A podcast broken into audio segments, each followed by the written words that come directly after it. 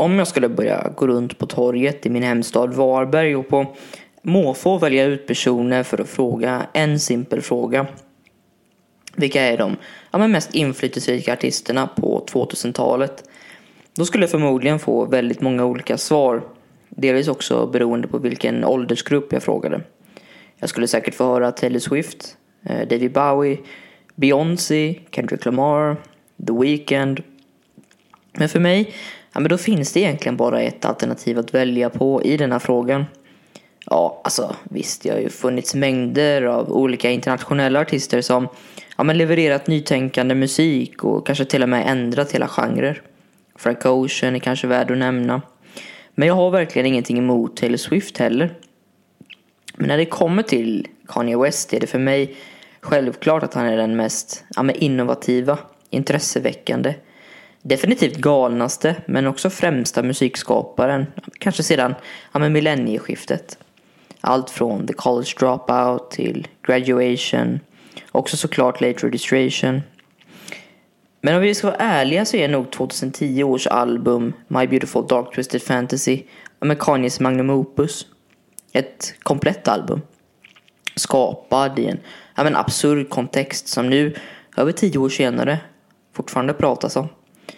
Och jag vill klocka för er lyssnare som kanske inte har bra koll på Kanye, hiphop överlag eller ens kan en sak om Jay, som han också kallas, och heter i folkbokföringen. Ni kan nog vara lugna. Han kommer att klargöra allt om honom och albumets kontext idag med ett specifikt mål att, jag menar, att klargöra varför detta albumet och därmed såklart Kanye betyder oerhört mycket för musiken och varför han är ja, men viktig som artist. Detta är inte en podcast om Kanye Wests liv eller skandaler, även fast vi kommer ta avstamp i många av dem. Så förvänta er inte det. Däremot kommer jag börja med en ganska lång prolog som är nödvändig för att ja, förstå den kontext som Kanye West går in i i 10-talet. För er som fortfarande är skeptiska till om ni kanske, ja men om ni känner någonting för Kanye eller ens bryr er om vad han har gjort kan jag kanske göra ett sista försök och rädda er från att tänka, eller ja, tanken av att stänga av direkt. Om ni av någon anledning hyser någon form av ja, men respekt för Barack Obama och nu menar jag inte att ni lyssnar på honom som att han bara berättar sanningen. Men om ni ja, men på något sätt ändå lyssnar på han, vad han säger så fick han frågan i en intervju med The Atlantic 2012, två år efter detta albumet, om han föredrar Jay-Z eller Kanye West. Visst, han svarade Jay-Z men tillade ändå att han tycker om Kanye och citat, han är en Chicago-kille. Smart, väldigt talangfull. Slutcitat. Och detta ja, men det var lite av ett märkligt uttalande som intervjuaren David Samuels ja, men inte var sen att följa upp på. Eftersom Obama publikt hade kallat Kanye för en citat jackass bara några år tidigare. Vilket på Obama då ska ha sagt He is a jackass, but he is talented. Och ja, lite så känner vi nog alla när han uttalar sig eller får ett mentalt breakdown på Twitter eller ja, X nu för tiden. Men med hjälp av Obamas ord och intro till denna podcasten kanske vi ändå kan sätta igång historien om, om 2000-talets viktigaste album. Och jag vill bara flika in lite kort här att det kan ses som lite befängt att jag kommer prata så mycket om Kanye runt omkring albumets skapande och låtar. Men detta albumet är mycket mer än så. Detta albumet förklaras med hjälp av Kanyes andra misstag och relationer Därför kan det ibland ses mer som ett avsnitt om Kanye. Men hoppas det blir tydligt när ni lyssnar ändå.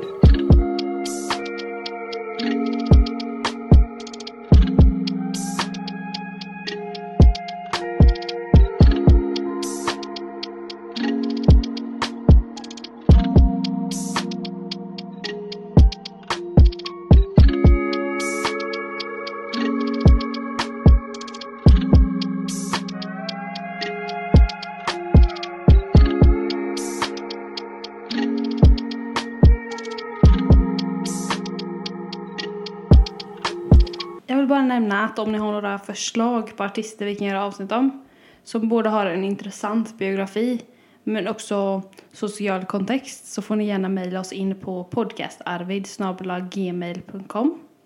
Andra korrigeringar, anmärkningar och frågor är också varmt välkomna. Ja, nu ska vi ja, men snabbt teleportera oss till 70-talets Georgia i USA och närmare bestämt då Douglasville, Georgia 1977 där eh, Ray West och Donda Williams födde Kanye under försommaren. Ray och Donda som bara träffats några år tidigare träff, eh, på college då. Eh, och ja, men båda hade lovande karriärer framför sig. Speciellt mamman då, Donda. Men det får man ändå säga, utanför sitt jobb på socialförvaltningen i stan, ja men då studerade hon en master på Atlantas universitet.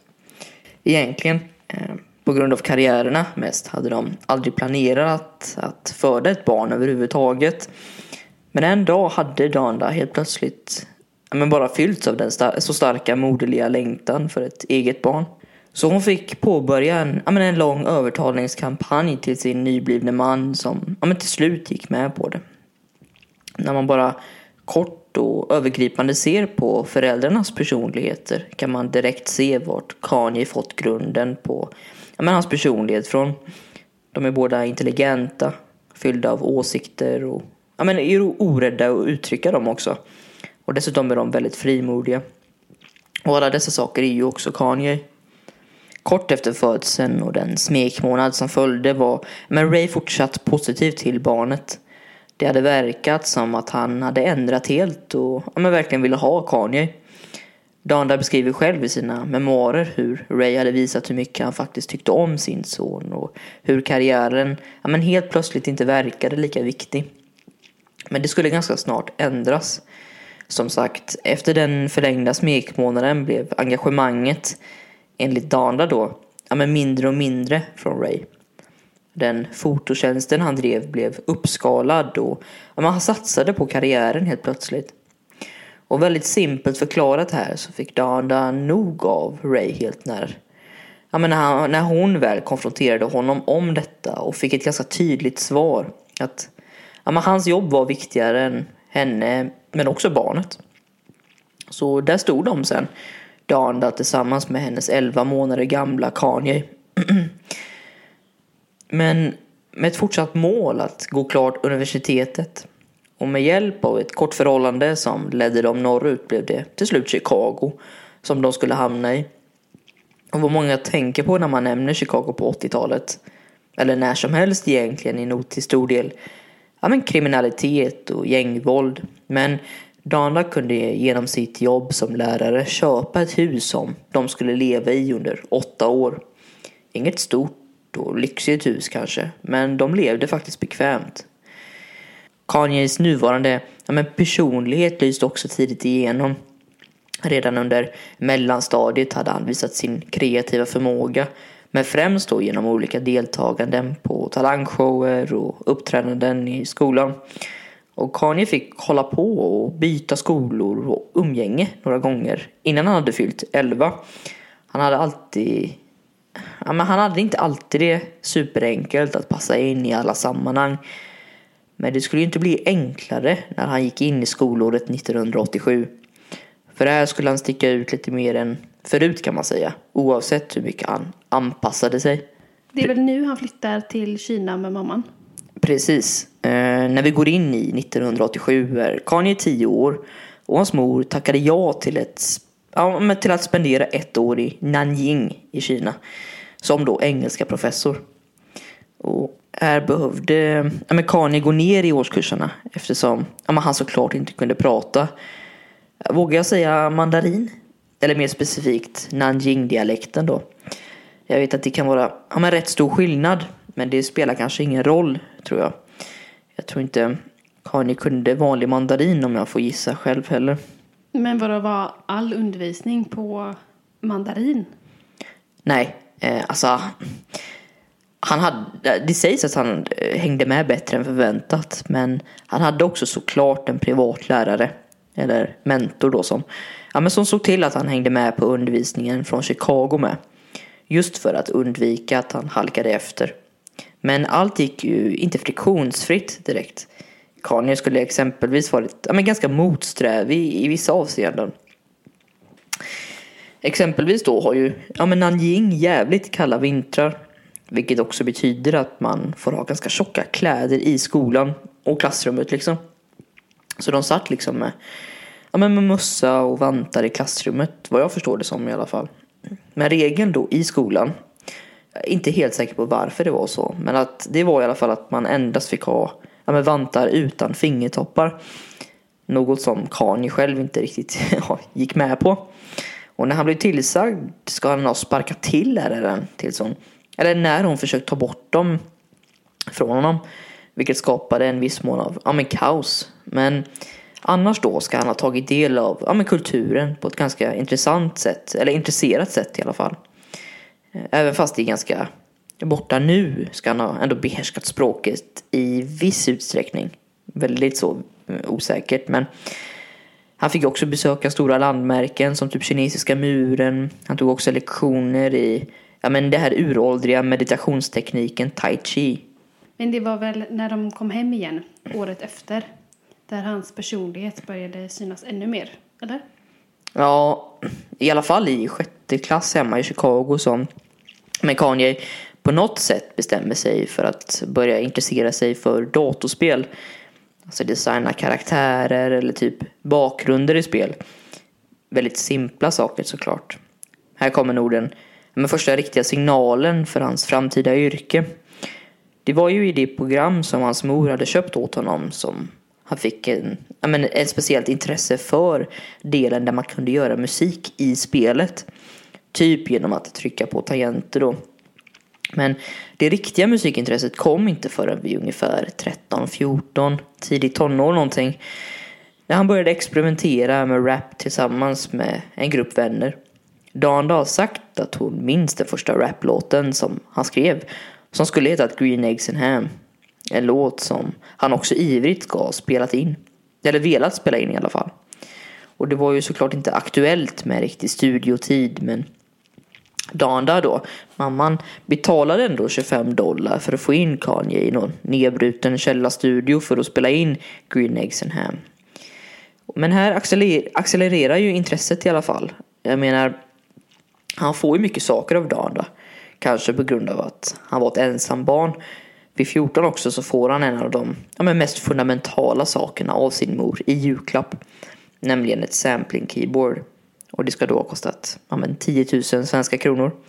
Något som Kanye ändå betalade hälften av efter att ha sparat pengar en längre tid.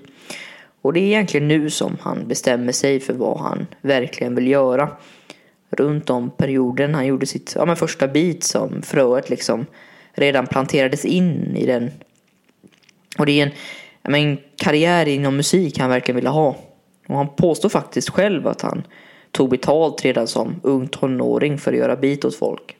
Han ska då ha tagit uppemot ja, 500 kronor per bit. Och Danda då själv var ju kluven till en början. När Kanye hade börjat ta småjobb och sparat pengar för att bygga en egen, ändå komplicerad hemmastudio för att vara 90-talet, så kom det över en, ja, men en, en mängd olika främlingar och vänner som då spelade musik. Oljud konstant ska hon ha sagt. Men alternativet i Chicago på denna tiden, ja, men det var liksom att han stod ute på gatorna. Så i den mån var hon ju, mm, alltså för detta såklart. Det var ju liksom att föredra. Så därför kanske hon också kände sig lite mer bekväm när hon introducerade Kanye till, men kanske en av de personerna som skulle ha mest inflytande på Kanye. Som en mentor kan man säga. No ID kallas han. Han gick på universitetet som Danda då jobbade på och Danda ska ha bett No IDs mor om han inte kunde hjälpa Kanye lite, vilket han också gjorde. En då 20-årig No ID som först var lite skeptisk till idén, eller i alla fall tanken av det. Och i början lät han Kanye vara i hans ja, men källarstudio för att observera lite. Han ska ha gett honom ja, men småjobb för att ja, men på något sätt ja, men för att han skulle vara upptagen med något i alla fall. Men saker som inte krävde liksom någon enorm kreativ förmåga. Men det tog inte så lång tid förrän han förstod att Kanye verkligen hade potential att vara något speciellt. Trots att han var 14 år bara. Och när man läser om hans barndom och tidiga år i high school så får man intrycket av att musiken liksom tar över hans liv och emellertid ersätter skolan helt. Även fast han tvingades att gå klart gymnasiet så var inte ja, men motivationen på topp. Därför låter det väldigt märkligt när han senare då börjar på college efter gymnasiet. Han kom in på ett stipendium på Chicagos amerikanska konstakademi 1997. Det var, ja men, där var det faktiskt målandet som var, ja, men, han blev engagerad i. Men inte särskilt länge. Han bytte sen till att studera engelska. Men bara några år senare, vid 20 ungefär, så hoppade han av för att ja, men, satsa helt på musiken. Dock la ändå engelska någon sorts grund för det språkliga de skulle, ja, men som skulle komma.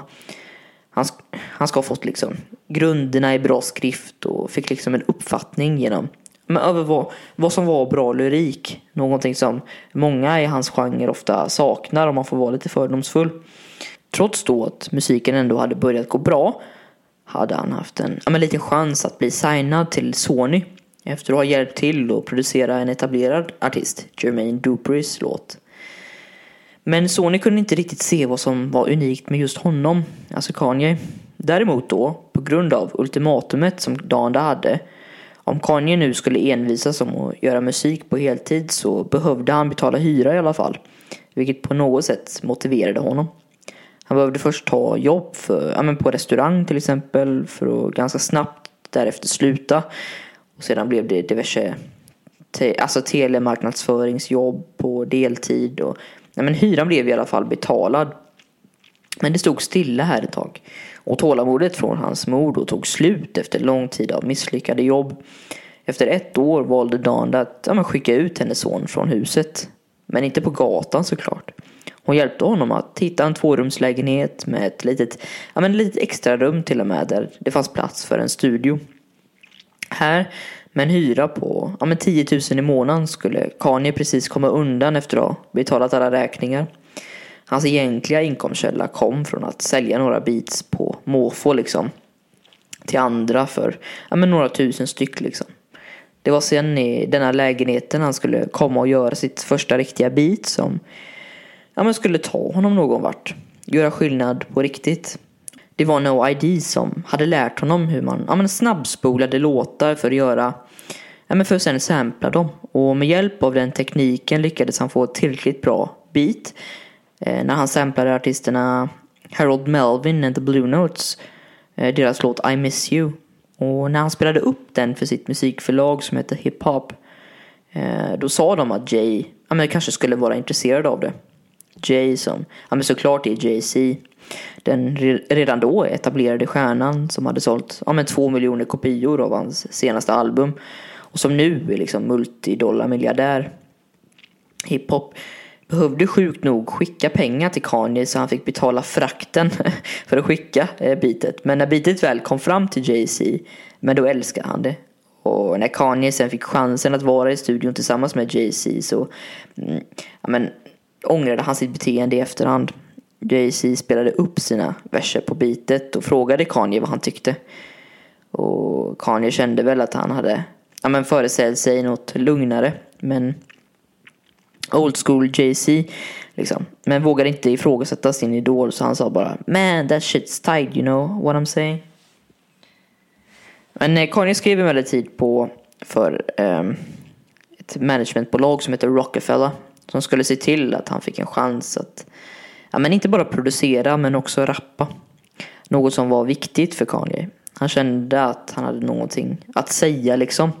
Och detta händer också under en period då han känner sig begränsad av ja, men stadsgränserna i Chicago. Den stora ja, men hiphop-scenen han ville till befann sig på en annan plats. Det kom kanske lägligt då att hans hyresvärd hade fått nog. Ljuden från mängden personer och musik som spelades hade varit besvärande för grannarna ett längre tag och han fick helt enkelt ja, men flytta ut. Först var det Atlanta som lockade för ja, men vissa andra producenter bodde där. Men egentligen var valet ja, men ganska självklart. Både No ID, Nas, Jay-Z var liksom belägna i samma kulturmecka. New York City såklart. En av de mest ja, avgörande besluten han kunde ta. Och genom att inte, liksom inte ens sett lägenheten, inte ens bilder. Bara hört att den hade glastak, vilket var nog för Kanye, så tog han flyttbilen och ja, men körde österut. Och väl i New York trodde Rockefeller en del på honom såklart. Men det var främst i form av en producent åt större artister. För han hjälpte ganska snabbt att producera låtar för Ludacris och Common till exempel. För Ludacris eh, producerade han exempelvis Be Alright. Och för Jay-Z arbetade han på låtar med Beyoncé. Så han var ju redan med några av liksom de största. Men Jay-Z då till exempel var väldigt ja, men imponerad av Kanyes producentkvaliteter och framförallt sampling av soulskivor. Men han var absolut inte övertygad över att han kunde rappa och hade karisman och framförallt street cred nog för att ja, men vara på sitt egna omslag. Och jag menar, den tidigare populärhiphopen hade ju fyllts av ja, streetcrediga personer såsom liksom Tupac och Snoop Doggy Dogg exempelvis.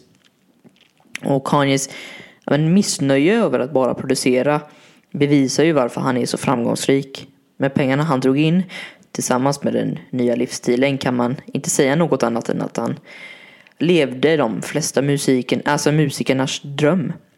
Producerade och arbetade med de största inom branschen. Men han kände verkligen att han hade något att berätta som jag sa innan. Något att förmedla. Och dessutom var han övertygad över sin egen förmåga att rappa.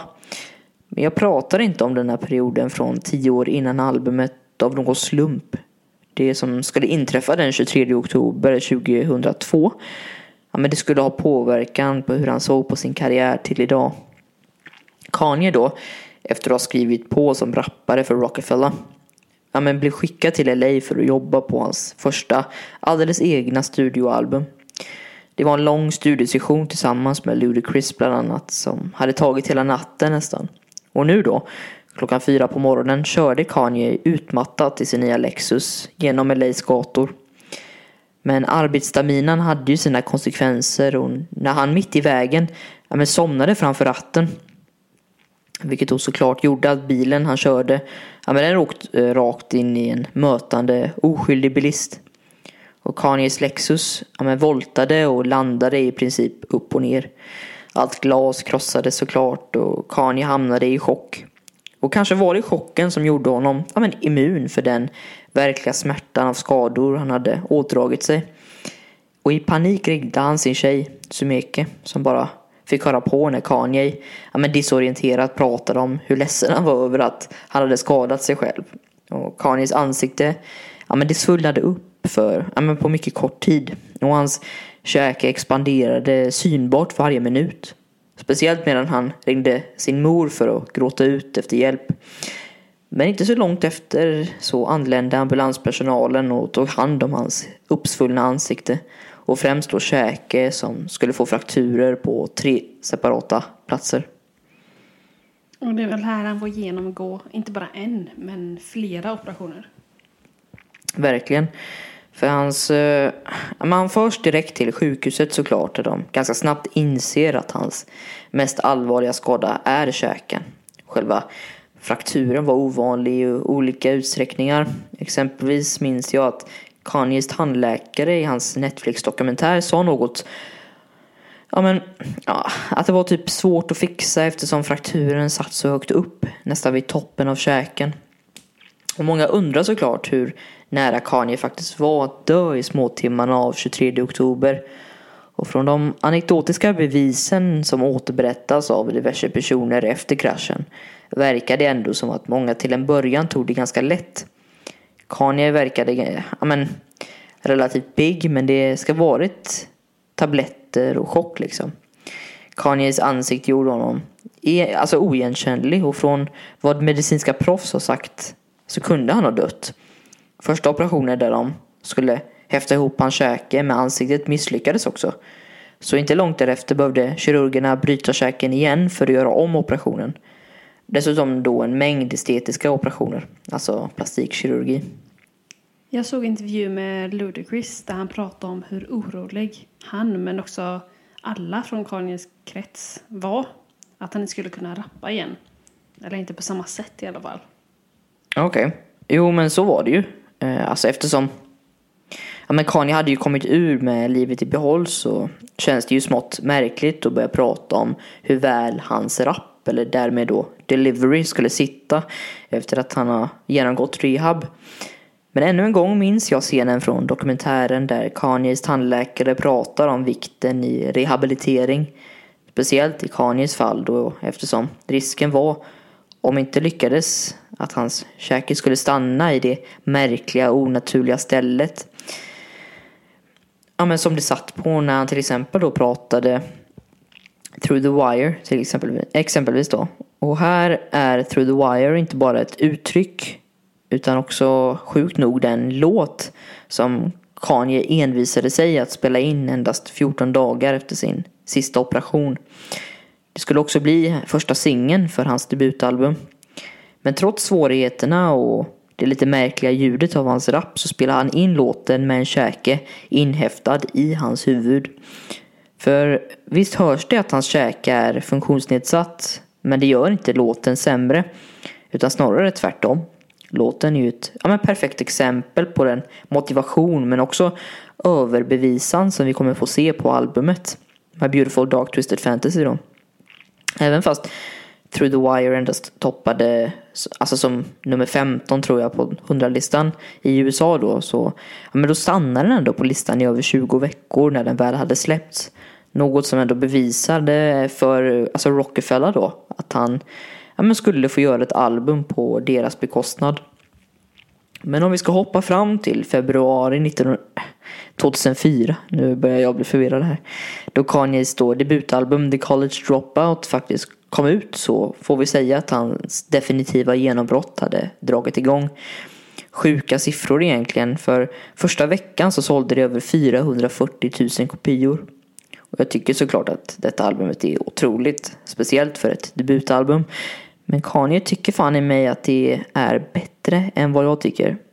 Jag har hittat ett citat från perioden efter succén av ett men, eh, faktum då Kanye inte var något annat än kaxig liksom. Citat. I know what I'm doing. I might have designed the sound of music for the next decade. If you ask me about my music, about how I've impacted the world, i will argue that my first album is one of the best freshman albums ever. That's not being a fan of me, but being a fan of music. Så, ja, när det blev 2004 sen och Kanye hade gjort enorm succé med sitt debutalbum så blev han, ja men som många andra artister, omskriven i tidningarna mycket. Och många undrade om han faktiskt kunde leva upp till förväntningarna på sitt nästa album. Jag menar, man ser ju flera artister göra ett bra album för att sedan långsamt försvinna igen. Men det skulle såklart inte bli så. Även fast Kanye hamnade i blåsväder redan här. Kanske bokstavligt talat för under välgörenhetskonserterna för offren i Hurricane Katrina till exempel. Då sa han i direktsänd tv att president Bush var en rasist. Vilket inte gick hem överdrivet bra. Men Kanye la 20 miljoner kronor på sitt nästa album. En summa han såklart aldrig innan hade möjlighet att göra innan succén.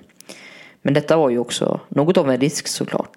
Han tog in en hel orkester på 20 musiker och arrangör för albumet men det skulle såklart visa sig vara en succé. Late Registration innehöll i stort sett bara certifierade bangers. Såklart den många tänker på då är Ray Charles slash Jamie Foxx-samplet Gold Medan inte minst då Hey Mama gjorde ett stort intryck. En låt tillägnad hans mor Danda för men allt som hon har gjort för honom. Och planen var att detta skulle bli det andra albumet A4 som hade en, ja, men en skol slash utbildningstema. Och inför släppet av, ja, men i slutet av sommaren 2005 var det redan det mest förbokade albumet genom tiderna. Och när det kom ut så sålde det enormt bra och fick fem stjärnor av The Guardian, The Rolling Stone. Eh, som till och med tog med det, jag tror, på sin bästa lista över bästa 500 album någonsin. Där jag tror det hamnade utanför topp 100.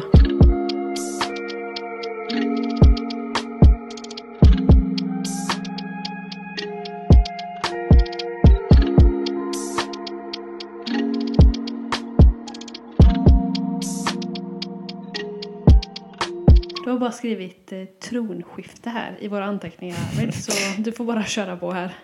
Yes, ja, men tronskifte är ett otillräckligt ord för att beskriva vad som utspelade sig under början av 2007. Det var inte bara en vändpunkt för Kanye utan för ja, men hela rapscenen. Eh, före Kanyes två framgångsrika första album dominerades hiphopen av andra artister. Under de tidiga 80-talet var det tydligt, alltså naturligtvis då ja, men DMC, LL Cool som var liksom de stora namnen. Och senare då, under vad som brukar kallas de gyllene åren för hiphopen, hade vi ju såklart Tupac Shakur, Notorious B.I.G. och allt som kom med gangsterrappen och hiphopen då från ja, men Amerikas västkust. NWA var ju gruppen mest förknippad med gangsterrap kanske. Och deras låttexter som ja, men var betydligt mer våldsamma jämfört med tidigare. Deras liksom, låt Straight Outta Compton. Det skapade ju betydande rubriker Öst och västkustrivaliteten inte minst. Mm -hmm. Öst och västkustrivaliteten var uppenbar. Med Tupac och Notorious B.I.G. som stora namn såklart. Och efter deras tragiska död, ja men då kommersialiserades eh, genren väldigt mycket vilket gjorde det möjligt för fler att närma sig den kommersiella scenen. Även om inte alla välkomnades. Här trädde ju Jay-Z fram Samtidigt som amerikaner började göra sitt namn inom produktion i början av 2000-talet. Även om alternativ hiphop såsom MF Doom och Kanye växte sig allt större var det fortfarande den råa rapparen från gatan som höll i taktpinnen. En av de mest framträdande var ju Curtis James Jackson III. Eller ja, mest känd som 50 Cent då såklart. Han som föddes i 70-talets Queens, Hans uppväxt var ju allt annat än enkel. Hans mor var inte bara ja, med knarklangare utan dog också i en brand när han var åtta år gammal. Och detta ledde till ju att Ja, detta ledde ju till att han ja, men själv hamnade på samma väg och började sälja crack redan i lågstadiet. Han greps senare då, 1994 tror jag för att ha sålt kokain till en civilpolis. Trots att 50 Cent var en av de äldre rapparna år 2007 fortsatte han liksom att vara framgångsrik. Han var ansiktet utåt för den tuffa New York-stilen som ja, men han bar ju till och med på en skottsäker väst på scenen. Och han skulle släppa sitt album Curtis den 11 september 2007. Och samtidigt då satt Kanye i en annan del av New York tillsammans med sitt skivbolag Def Jam de var mitt uppe i att bestämma det framtida släppdatumet för albumet Graduation som redan flyttat från augusti till september. Kanye hade inga problem med att albumet skulle släppas samma dag som 50 Cents. Def Jam ville ju medvetet skapa en konkurrenssituation för att få mer uppmärksamhet. Och resultatet blev att Kanye inte verkade särskilt bekymrad över försäljningssiffrorna. Medan 50 Cent i intervjuer var övertygad om att hans album skulle säljas ja, men bäst. Eh, han var ju trots allt den liksom etablerade stjärnan.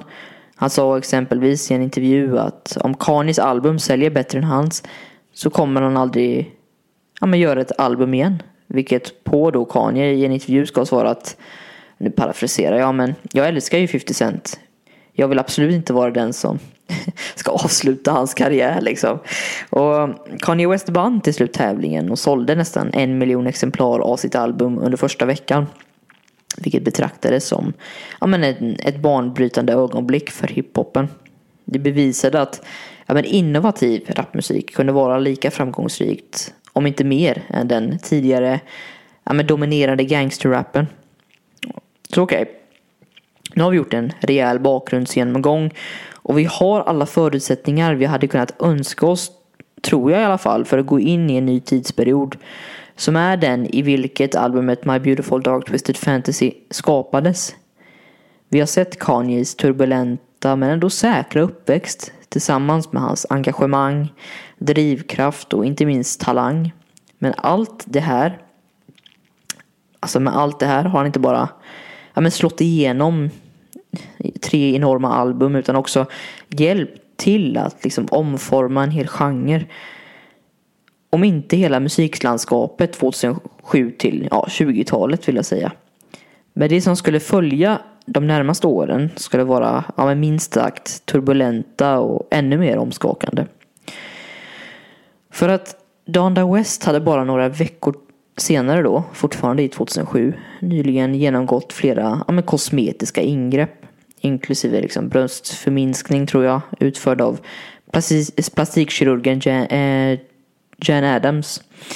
Och trots en framgångsrik operation valde hon att åka hem för att återhämta sig under sin brorsons, eller sjuksköterska då, eh, övervakning.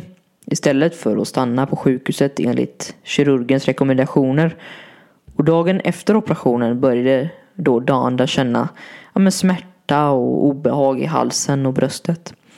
Och hon kollapsade sedermera hemma då och fördes akut till sjukhuset där hon ja, men tragiskt nog avled endast 58 år gammal. Och en senare obduktionsrapport då avslöjade att hennes död var relaterad till både hjärtsjukdom och komplikationer från kirurgiska ingrepp. Och under tiden väcktes, ja, men väckte Adams och hans praxis ja, med stark kritik och uppståndelse också såklart.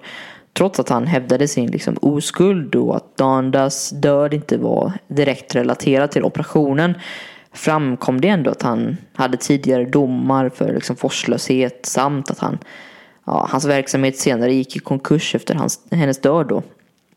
Och Adams själv, han fortsätter att försvara sig i offentligheten. Han hävdar ju att Donda West död, ja, men det kunde ha undvikits om hon hade stannat kvar på sjukhuset för vård och om sjuksköterskan då, hennes brorson, hade varit mer närvarande och försiktig med hennes medicinering till exempel. Men det spelar egentligen ingen roll för faktum var att Kanyes ledsagare i livet, hans kanske största fan och högra hand hade avlidit. Donda Wests bortgång, absolut tragiska bortgång, lämnade en enorm sorg i Kanye Wests liv. Men han fortsatte trots allt att producera och turnera kort inpå. Kanske för att springa iväg från sorgen. Det gick rykten om att Kanye var ja, men självmordsbenägen och att han skyllde hennes död på han själv. Att hans ja, men kändisskap hade mördat hans mor. Varför skulle han göra det? Jag tror att hela skylla på sig själv-saken egentligen handlade om att, men om kropphetsen i västra USA. Alltså, jag tror Kanye pratade i någon intervju om att han var övertygad att om hon inte hade sagt upp sig från sitt vanliga jobb och flyttat till LA då, ja, men då skulle hon överlevt eftersom ja, men kropp, kroppshetsen är så stor, speciellt då i LA. Liksom. Jaha, jo men jag förstår. Mm. Men eh, vad var det som hände efter hon gick bort? Jo, ja, trots att han sörjde och sades inte må så bra då så fortsatte han att turnera och göra spelningar ändå. Många stora fans av Kanye har ju länge väntat på nästa album så de visste då skulle heta Good Ass Job. Och det hade Kanye pratat om sedan sitt debutalbum. Good Ass Job skulle ju bli det fjärde albumet då i den tetralogi som skulle heta, eller som skulle vara college-serien då av album. Först då College Dropout, Late Registration och då senaste då Graduation. Och Leaks hade ju liksom kommit vid denna perioden och hade redan liksom hunnit läcka ut och man väntade bara att man skulle släppa det egentligen. Men kanske var inte de närmaste fansen tillräckligt kunniga om personen Kanye då. Eller så hade, ja men, han kanske inte ändrat sina planer förut, vad vet jag. För det som hände istället för, för att den, det albumet kom ut då var att Kanye flydde till Hawaii. Och där skulle planerna och sedermera inspelningen av nästa album ta form. Och det skulle heta 808s and Heartbreaks. Detta är en ja, en viktig del i händelseutvecklingen eftersom detta blev ett album som tog fram Kanyes kanske ja, riktiga känslor från det gångna, gångna året då känslor efter hans ja, men uppbrott med hans otrogna flickvän och inte minst mors bortgång. Och när han kom tillbaka med ett färdigt album från Hawaii och uppträdde första gången på MTV Video Music Awards ja, men då debuterade han låtarna Love Lockdown. Och de flesta var väldigt ja, men chockerade över vad, vad de hörde liksom. Han stapplade in efter att ha släppt tre album som egentligen hade ja, men revolutionerat en genre genom soulbeats och intensiv rap. Och hur nu hörde man liksom knappt hans egna röst. Men genom då den intensiva autotunen. Och låt er inte luras.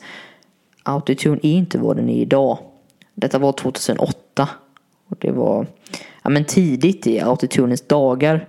Det var egentligen här som det kända klippet från Stephen Colbert Show inträffade. För innan albumet hade kommit ut så drog han ett skämt i sin öppningsakt då. Där en stor skylt på skärmen sa Operation ta ner Kanye på jorden. Medan Colbert då sa Why buy Kanye's album? You can basically hear it for free. Just put a tin can against your ear and lean against the Pac-Man machine. Men kritiken la sig men en del när albumet väl kom ut. De riktiga fansen, de stannade. Heartless och Streetlights är ju helt otroliga. Men man förstår varför det inte blev deras, ja men den hit som Kanye själv hade önskat. Det sågs på som ett experimentellt album liksom, helt enkelt. I Kirk Walker Graves bok om Kanye beskriver han då 808's Heartbreak som ett album som inte fått den uppfattning, eller uppskattning som det förtjänar under sitt decennium. Kanye Wests fjärde album skapade en kylig och djup atmosfär som många kritiker och fans såg ja, men som ett misstag då det betraktades som känslomässigt ja, men självcentrerat. Albumet bemöttes med förvirring på grund av autotune och en övergripande sorgsen ton. Även om det kan uppfattas som självömkan och sorg, alltså en sorgsession utan terapeut. Och lyfter Graves fram albumets betydelse som ett liksom avantgarde elektropopmästerverk och en plats där ja, men självtvivel speglas. Och Graves igen då understryker att inget av Kanyes andra album når samma nivå av rå och personlig intimitet, bitter förtvivlan eller känslomässig alltså risktagning som 808s and Heartbreaks erbjuder då. Från låtarna Say You Will till Streetlights, Paranoid och Bad News är detta albumet då, enligt Graves, en unik och betydelsefull skapelse som förtjänar en särskild plats inom musikens värld. Och Streetlights har jag tagit upp några gånger här, men det är verkligen eftersom den är inte bara albumets bästa låt utan också summerar vad som egentligen gjorde hela albumet bra. Han fångar liksom en existentiell resa Texterna målar upp bilden av att följa med gatlyktornas sken utan att veta destinationen helt enkelt. En metafor för att uppleva livets ögonblick utan klar riktning. Och det beskrivs som en reflektion av amerikanens mentala tillstånd vid skapandet av låten. En känsla av ja, men både osäkerhet då, men också en riktning i livet. Och denna låt bär en minst sagt melankolisk ton av förlorade möjligheter, och för mig personligen har den varit en tröst under svåra tider. Och, men den speglar en universell berättelse om att, man att livet ibland rusar fram i ett jättehögt tempo medan man strävar mot sina mål. Vilket gör det ja, svårare att njuta av resan utan att ständigt söka efter en destination. Låter det diffust Karin eller förstår du vad jag menar? Nej, jag tror jag förstår vad du menar.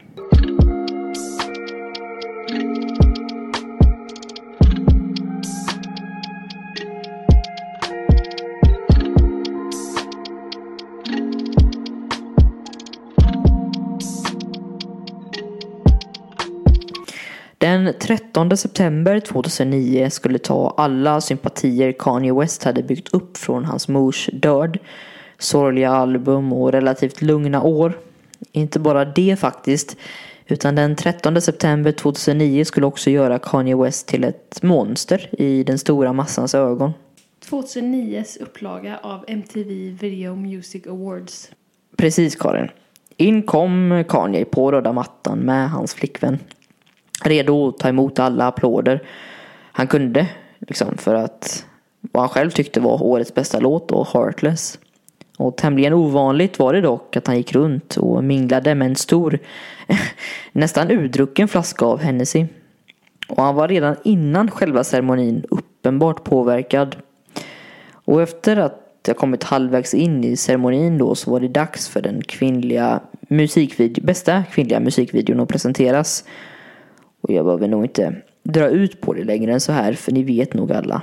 Eller i alla fall 98% vem som vann den. Ingen mindre än den nu absolut mest spelade och omtalade, omtalade artisten Men då, 19-åriga oskuldsfulla countrysångerskan Taylor Swift som gick upp för att, ja men vad hon sa, tacka sina fans. Och det var när hon precis tagit tag i mikrofonen för att tacka dem som tackas bör som Kanye då vandrade upp bakom henne. Något märkligt tänkte Taylor Swift först. Hon berättade i pressen kort inpå att hon egentligen bara blivit glad av att se en av sina idoler dyka upp bakom sig på scenen. Jag tror hon sa något i form av med hans häftiga hår, starka karisma. Men det som hon inte anade var att han direkt skulle, ja, slita mikrofonen från henne och överta rampljuset. Kanske var det de centiliterna, eller ja, snarare deciliterna av Hennessy han hade druckit på vägen fram till detta tillfället. Kanske var det sorgen och depressionen han gick igenom ja, med tiden före. Och kanske samtidigt. Eller kanske är han faktiskt bara vad Barack Obama själv sa och beskrev det som då. En jackass. Men kanske spelar det inte heller någon roll. För det som hände, hände. Och om Kanye var, ja men inte var kontroversiell innan blev han det i alla fall nu. För det var de berömda fyra orden som han sa som skulle avgöra allt. Minns du dem Karin? I'm really happy for you. Det är fem ord tror jag, inte fyra. Ja, du missade någonting där i början. Ja, ja, skitsamma. Det var liksom precis före. Det var då han sa citat. Yo Taylor, I'm really happy for you. Sen är de fyra magiska orden då. I'ma let you finish. Följt av då. But Beyoncé had one of the best videos of all time. Och allt är lika kul att kunna citera Kanye i detta avsnittet eftersom man nästan aldrig kan citera en hel mening utan att råka säga minst sagt kontroversiella ord. Men Kanye bara stod där sen. Lite omskakad, förmodligen från vad han själv hade gjort men ändå uppe i ruset av spriten. Och när han väl gav tillbaka mikrofonen till Taylor Swift så stod hon helt utan ord. Men efterspelet efter att Kanye hade slängt sig ur galan var turbulent och pressen kunde inte få en bättre present kan man säga. Kanye blev den perfekta skurken medan Taylor Swift blev en perfekt symbol för det oskuldsfulla men också förnuftiga resten. Det fanns liksom ingenting som kunde, för, alltså Kanye kunde försvara sig med. Vad skulle det ens vara liksom? Visst, eh, jag tror Jay-Z intervjuades exempelvis i efterspelet och kritiserade sin väns beteende. Också läge och offer om man kan säga det så. Men det egentliga, eller det enda positiva som han hade sak eh, han kunde säga liksom var att han höll med Kanye i sak. Alltså Beyoncé borde nog förmodligen vunnit det året med sin Single Ladies video. Men det är nog det mesta man kan säga för att försvara honom. Men det faller ju också såklart platt om man är en vuxen person. Även fast ett fotbollslag i allsvenskan inte får in något kvitteringsmål och lyckas vinna kan de ju inte bara springa upp och ta pokalen ändå. Men Beyoncé bjöd ju också upp Taylor Swift för att säga färdigt sitt tal i efterhand då. När mm -hmm. hon faktiskt vann. Exakt, det var ändå väldigt värdigt. Men på grund av allt hat eh, fick Kanye, likt Caetano Veloso som vi pratade om för några avsnitt sedan, ja, men gå i exil. Kanske inte för samma anledningar men i alla fall till samma kontinent. För även fast han först då tog sig till Japan för ett tag då undvika paparazzi så tog han sig sen i november till Rom. Där han inte tänkte syssla med det minsta som hade med musik att göra. Fokuset skulle ligga på att göra ja, med det han också brann för. Fast lite under ytan. Nämligen mode då. Därför blev ju Europa, och specifikt södra Europa, ett väldigt bra ställe att svalna på. Men likt alla andra galna genier visade ju Kanye också för sig själv att längtan liksom efter att skapa var så stor. Ny musik var i bakhuvudet under hela exilen och han fick plötsligt nya, nu kanske mer europeiska och självreflekterande idéer. Och nu börjar den mer konkreta delen av albumets skapande. För det som skulle komma skall var grunden till albumet som egentligen först skulle heta Good Ass Job som vi pratade om innan. Uppföljaren då och den fjärde delen i tet tetralogin som var college-serien då. Men Kanye hyrde Avex Studios på Hawaii, närmare bestämt Oahu. Eh, inte samma längd som han hade hyrt den under 808s and Heartbreaks utan nu då på obestämd tid. Förra gången hade han endast hyrt en, stud alltså en studio med. Men Kanye hyrde nu hela komplexet. Jag tror det var typ tre studios, en lounge och lite till. Och detta skulle ju inte heller bli något vanligt musiksläpp eller intressant uppföljare till 808s. Det var liksom också ett annat läge nu. Jag gillar hur youtubern Digital Download beskriver i sin video om albumet som man kan hitta på hans kanal. Jag kan tyvärr inte spela upp eh, på grund av att han har upphovsrättsskyddad musik i bakgrunden. Men för att parafrasera sa han typ att Kanye förstod situationen glasklart. Såklart kunde han inte bara släppa en ny låt från tomma intet. Pressen, likaså den stora massan, de monitorerade alla steg han tog i eftermälet av VMAs-incidenten då. Kritiker var uppradade, hungriga att kritisera vad han än skulle komma ut med så småningom. Och youtubern då, Digital Download, han fortsätter sen med att säga att Kanyes enda väg att förlösa sig från kritiken, ja men det skulle vara att släppa ett album som inte bara var bra, utmärkt eller inte ens perfekt. Det skulle behöva vara mer än perfekt. Och det är nu då, på Hawaii, dessa planerna börjar ta form. Men när man hör att Kanye tog med sig flera musiker och producenter på obestämd tid låter det oerhört dyrt, minst sagt. Eh, varför skulle skivbolaget ens gå med på detta när han var så kontroversiell? Det är en, verkligen en bra fråga. Ehm, skivbolaget Def Jam då, som var de främsta här, alltså de tog ju minst sagt en chansning. Visst, de visste också om förutsättningarna och den liksom storm av kritik som kunde komma i och med albumet. Men jag antar att de också förstod de ekonomiska vinningarna i kontroversen och även liksom den dåliga publiciteten. Man får ändå säga att mängden av men mängden de spenderade var en risk, risktagning oavsett vad. Albumet skulle ju faktiskt komma att bli en av de ja, men dyraste albumen som någonsin producerats. Jag tror att slutnotan landade på någonstans ja, men runt om 30 miljoner svenska kronor. Något som då bara räknar på kostnaden att skapa själva innehållet och inte reklam och så vidare. En av sakerna som tog så mycket pengar var ju förstås att han, att han hyrde tre studios på obestämd tid. 24, dygn, äh, 24 timmar om dygnet. Men det är också den stora mängd av crew och kollaboratörer som han flög ut till den avlägsna äh, delstaten då.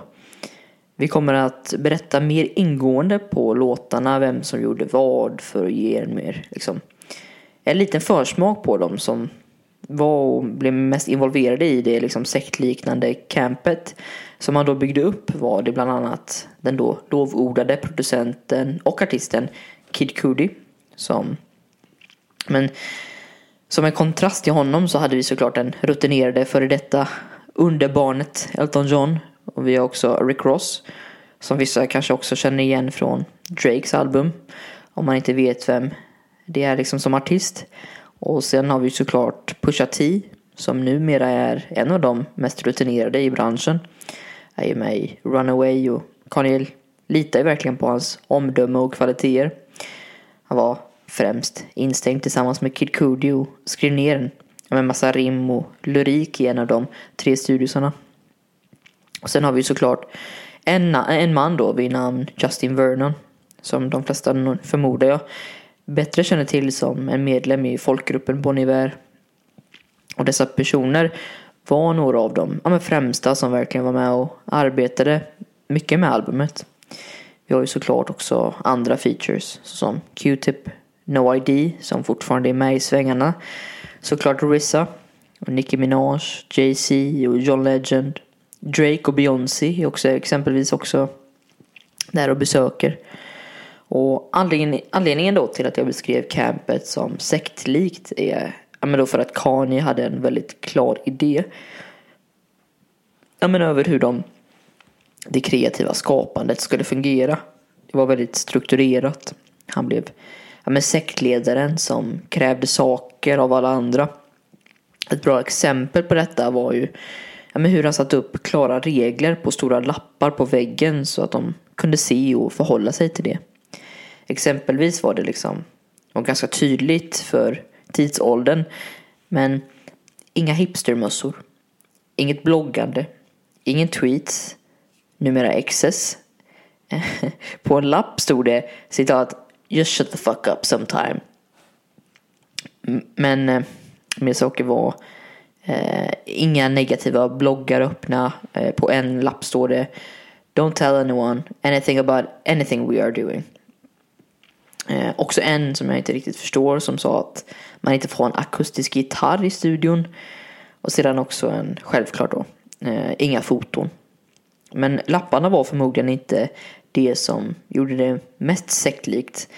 Det var nog klädkoden han hade satt upp för musikteknikerna och producenterna. Alla skulle ha svarta kostymer med svart slips. Något han förmodligen snappat upp i Europa. Även fast det var konstigt beskriver folk det som att det hjälpte att bygga upp ett så kallat mood. Det kändes helt enkelt ja, men isolerat. Visst absurt men utomjordiskt. Ja, men en egen bubbla som främjade kreativitet. Och själva skapandet då.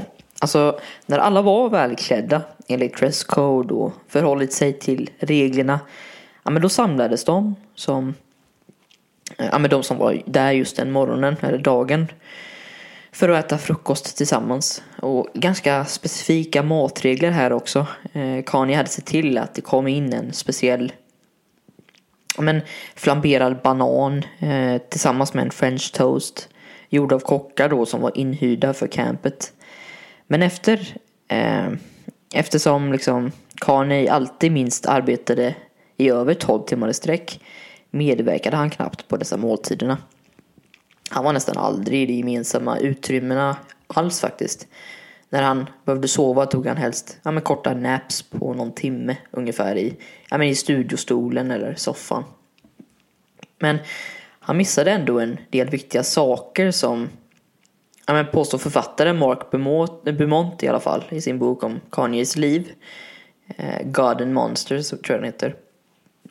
Han sa ungefär att under dessa frukostar så pratade crewet då om, ja, men, om musiksläpp, Drakes nya låtar exempelvis, produktionstekniker, hur albumet de skapade hade för form och vart nästa steg skulle tas rent kreativt. Men eh, Beaumont beskriver också i boken att Kanye ibland åkte över i sin Porsche så snabbt att han, men alltså väldigt, väldigt liksom Eh, Eh, kort visit för att besöka och diskutera med alla på frukosten. En specifik sak som han tar upp är exempelvis hur Kanye gick runt och frågade var och en vad ordet power betyder för dem personligen. Och också ett roligt citat från Kanye när någon i crewet fick fått lite idéer om lyrik så ska han ha sagt That's really not a, at all a word I would ever say. But don't stop offering idea thanks. Eh, och sen efter allt det om de inte gick iväg för att spela streetbasket så var de flesta på väg till ja, men studion igen. När var det de bestämde att titeln och konceptet Good as job inte var tillräckligt? Ganska snabbt ändå eftersom ja, men idéerna tror jag för Kanye behövde vara liksom större och mer storslagna än just uppföljaren till ett tidigare projekt. Så ganska tidigt twittrade han faktiskt ut citat The album is no longer called Good As Job. I'm bouncing a couple of title ideas around now. Men i alla fall. Eh, mediebolaget Complex eh, chefredaktör eh, Callahan Beaver. Han berättade efter att ha getts tillträde att när Kanye suttit kanske hela natten på en vers eller ett musikstycke och gått in i väggen lite. Fått slut på kreativitet liksom ja, men då valde han att ställa sig upp och vandra över till en annan studio där han ja, men de, där andra arbetade med något färskt som Kanye kan, ja, men kunde ta vid och följa med på. För att sedan då kanske kunna komma tillbaka för att slutföra. Och detta gjorde i alla fall att produktiviteten blev väldigt hög. Vilket ändå gjorde att han ganska snabbt kunde ge smakprov på albumet till den stora massan. Något som ganska smart gjorde genom kampanjen Good Friday. Idén var ganska simpel. Han skulle helt enkelt släppa en ny låt varje vecka för att bygga upp förväntningarna inför albumet. Varje fredag blev en typ av ja, men musikaliskt jippo när fansen då fick ta del av ja, men nya låtar. Inte bara ja, låtar som skulle hamna på albumet till slut. Exempelvis skulle jullåten Christmas in Harlem komma ut i slutet av december. Faktiskt den sista singeln i Good Fridays. En ändå oerhört underskattad jullåt som min kära vän Sebastian pekade ut för mig. Specifikt övergången vid tredje minuten där. Så vill ni återuppleva julen nu i februari så är det bara att sätta på den tycker jag. Men vad som ändå är ännu mer lockande var att varje av dessa Good Friday-spår hade sin egen ja, men unika omslagskonst. Vilket då gav låten en visuell identitet. Planen var ju från början att släppa musik från augusti till jul 2010. Men Kanye överraskade återigen genom att förlänga denna, alltså musikaliska fest om man vill kalla det så, fram till slutet av januari. Och totalt då släpptes 15 stycken spår genom detta programmet och tre av dessa gjorde även sitt avtryck på det slutgiltiga albumet. Kanye beskrev denna musikserie som mer än bara marknadsföring egentligen. För honom var det ett, menar, ett konstnärligt övning kan man säga som ändå tände på gränserna. För genom Good Fridays inte bara men fängslade han sina fans med liksom fantastisk musik varje vecka. Utan han skapar också en känsla av gemenskap och förväntan som drev upphov till men det som kom att bli albumet då. Vi ska komma tillbaka till skapandet av albumet när vi går igenom låt för låt. Men kan vara värt att nämna det som hände i september 2010.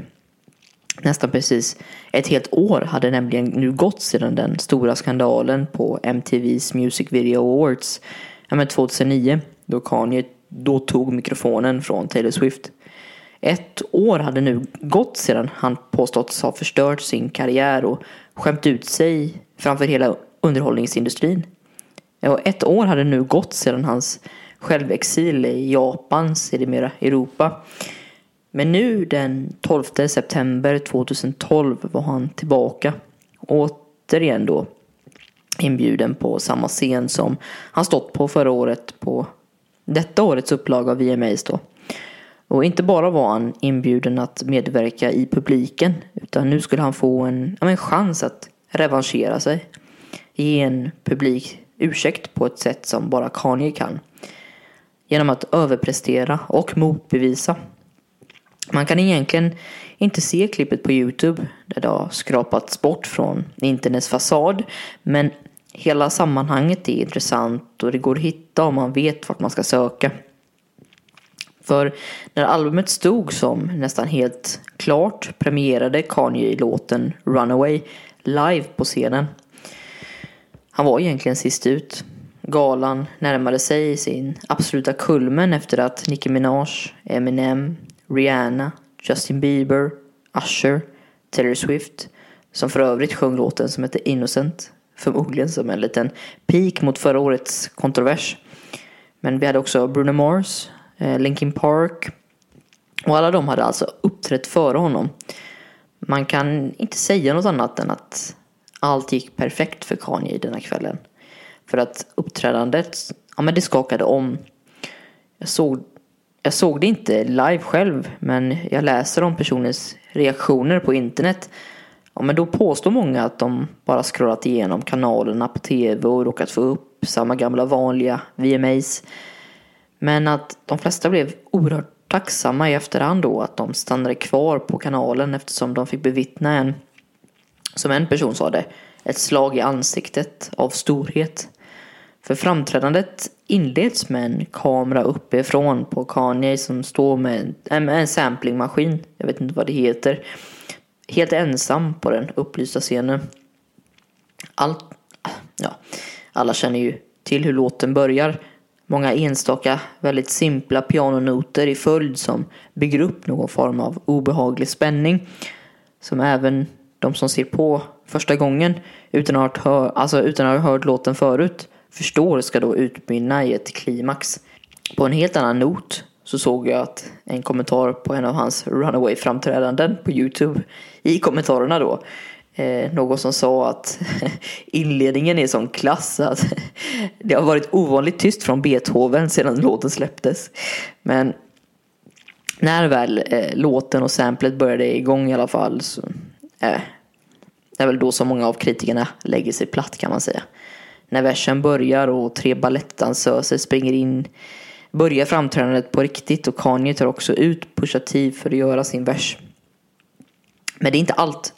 För när låten börjar närma sig sitt slut släcks lokalen ner på scenen står då bara Kanye kvar och börjar på ett oerhört genuint sätt sjunga med enormt mycket autotune. Detta berör nog många eftersom han på något sätt, med risk att låta alldeles för pretentiös, han, hamn, han lämnar ju 808s and Heartbreaks bakom sig med det ljudet på autotune medan han också tar in det nya. Vi får bevittna en pånyttfödelse och vi vet att det vi har framför oss är minst lika bra. Och inte långt efter heller så kommer Runaway ut som en singel med det ja, med klassiska ballerinaomslaget också. Och det skulle inte heller dröja länge förrän nästa tweet också kom ut. Kanye hade nu bestämt sig.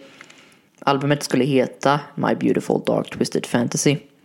Och han lägger också till att den alltid hetat det, men nu var det i alla fall officiellt.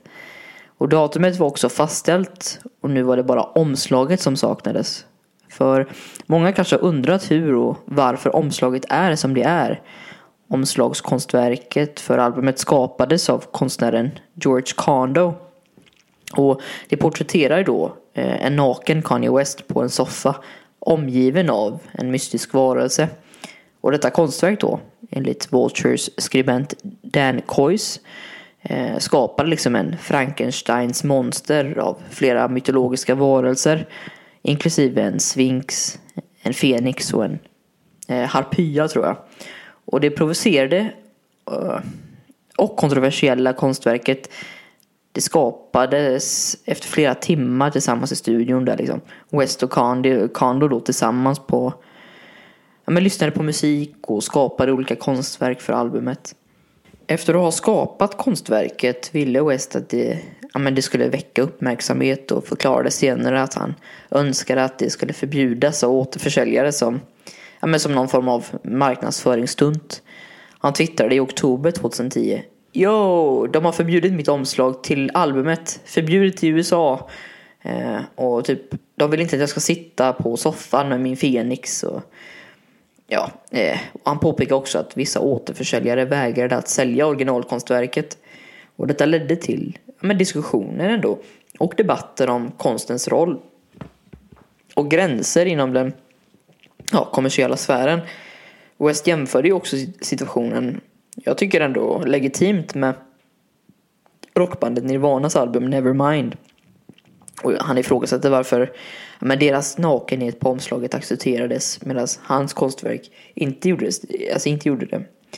Och dessa händelser ändå underströk också det kontroversiella ja, men, tankeväckandet i albumet. I alla fall dess omslagskonst samt dess liksom, påverkan på konstens gränsland och ja, men, mottagandet i musikindustrin.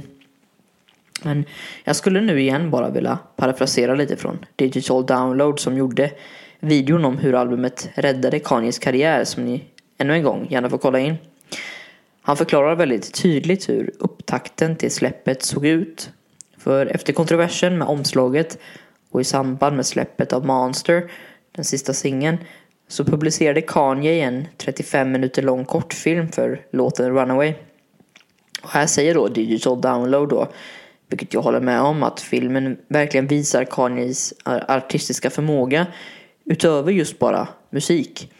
Inte bara skulle det ge en bild av hur musiken kommer låta, det gav också en bra bild av hur ja, men det visuella skulle tolkas och ses på i samband med albumet. Eh, som skulle släppas inom någon vecka då, helt enkelt. När i videon då Kanye stöter på en vacker fenix som plötsligt fallit från himlen här är ju tvisten dock, för att återvända till dit hon kom från, skulle hon behöva lämna Kanye genom ett, att bränna upp sig själv, så som Fenix gör. Och här pratar då youtubern om att detta egentligen är en parallell, eller en parallell referens till Kanyes karriär.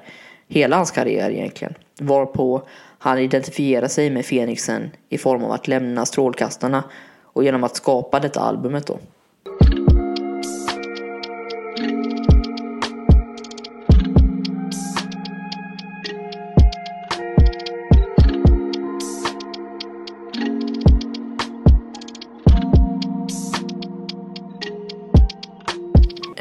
På natten till den 22 november svensk tid släpptes det album som vi i en timme har byggt upp till 13 låtar uppdelade över 68 minuter och 39 sekunder.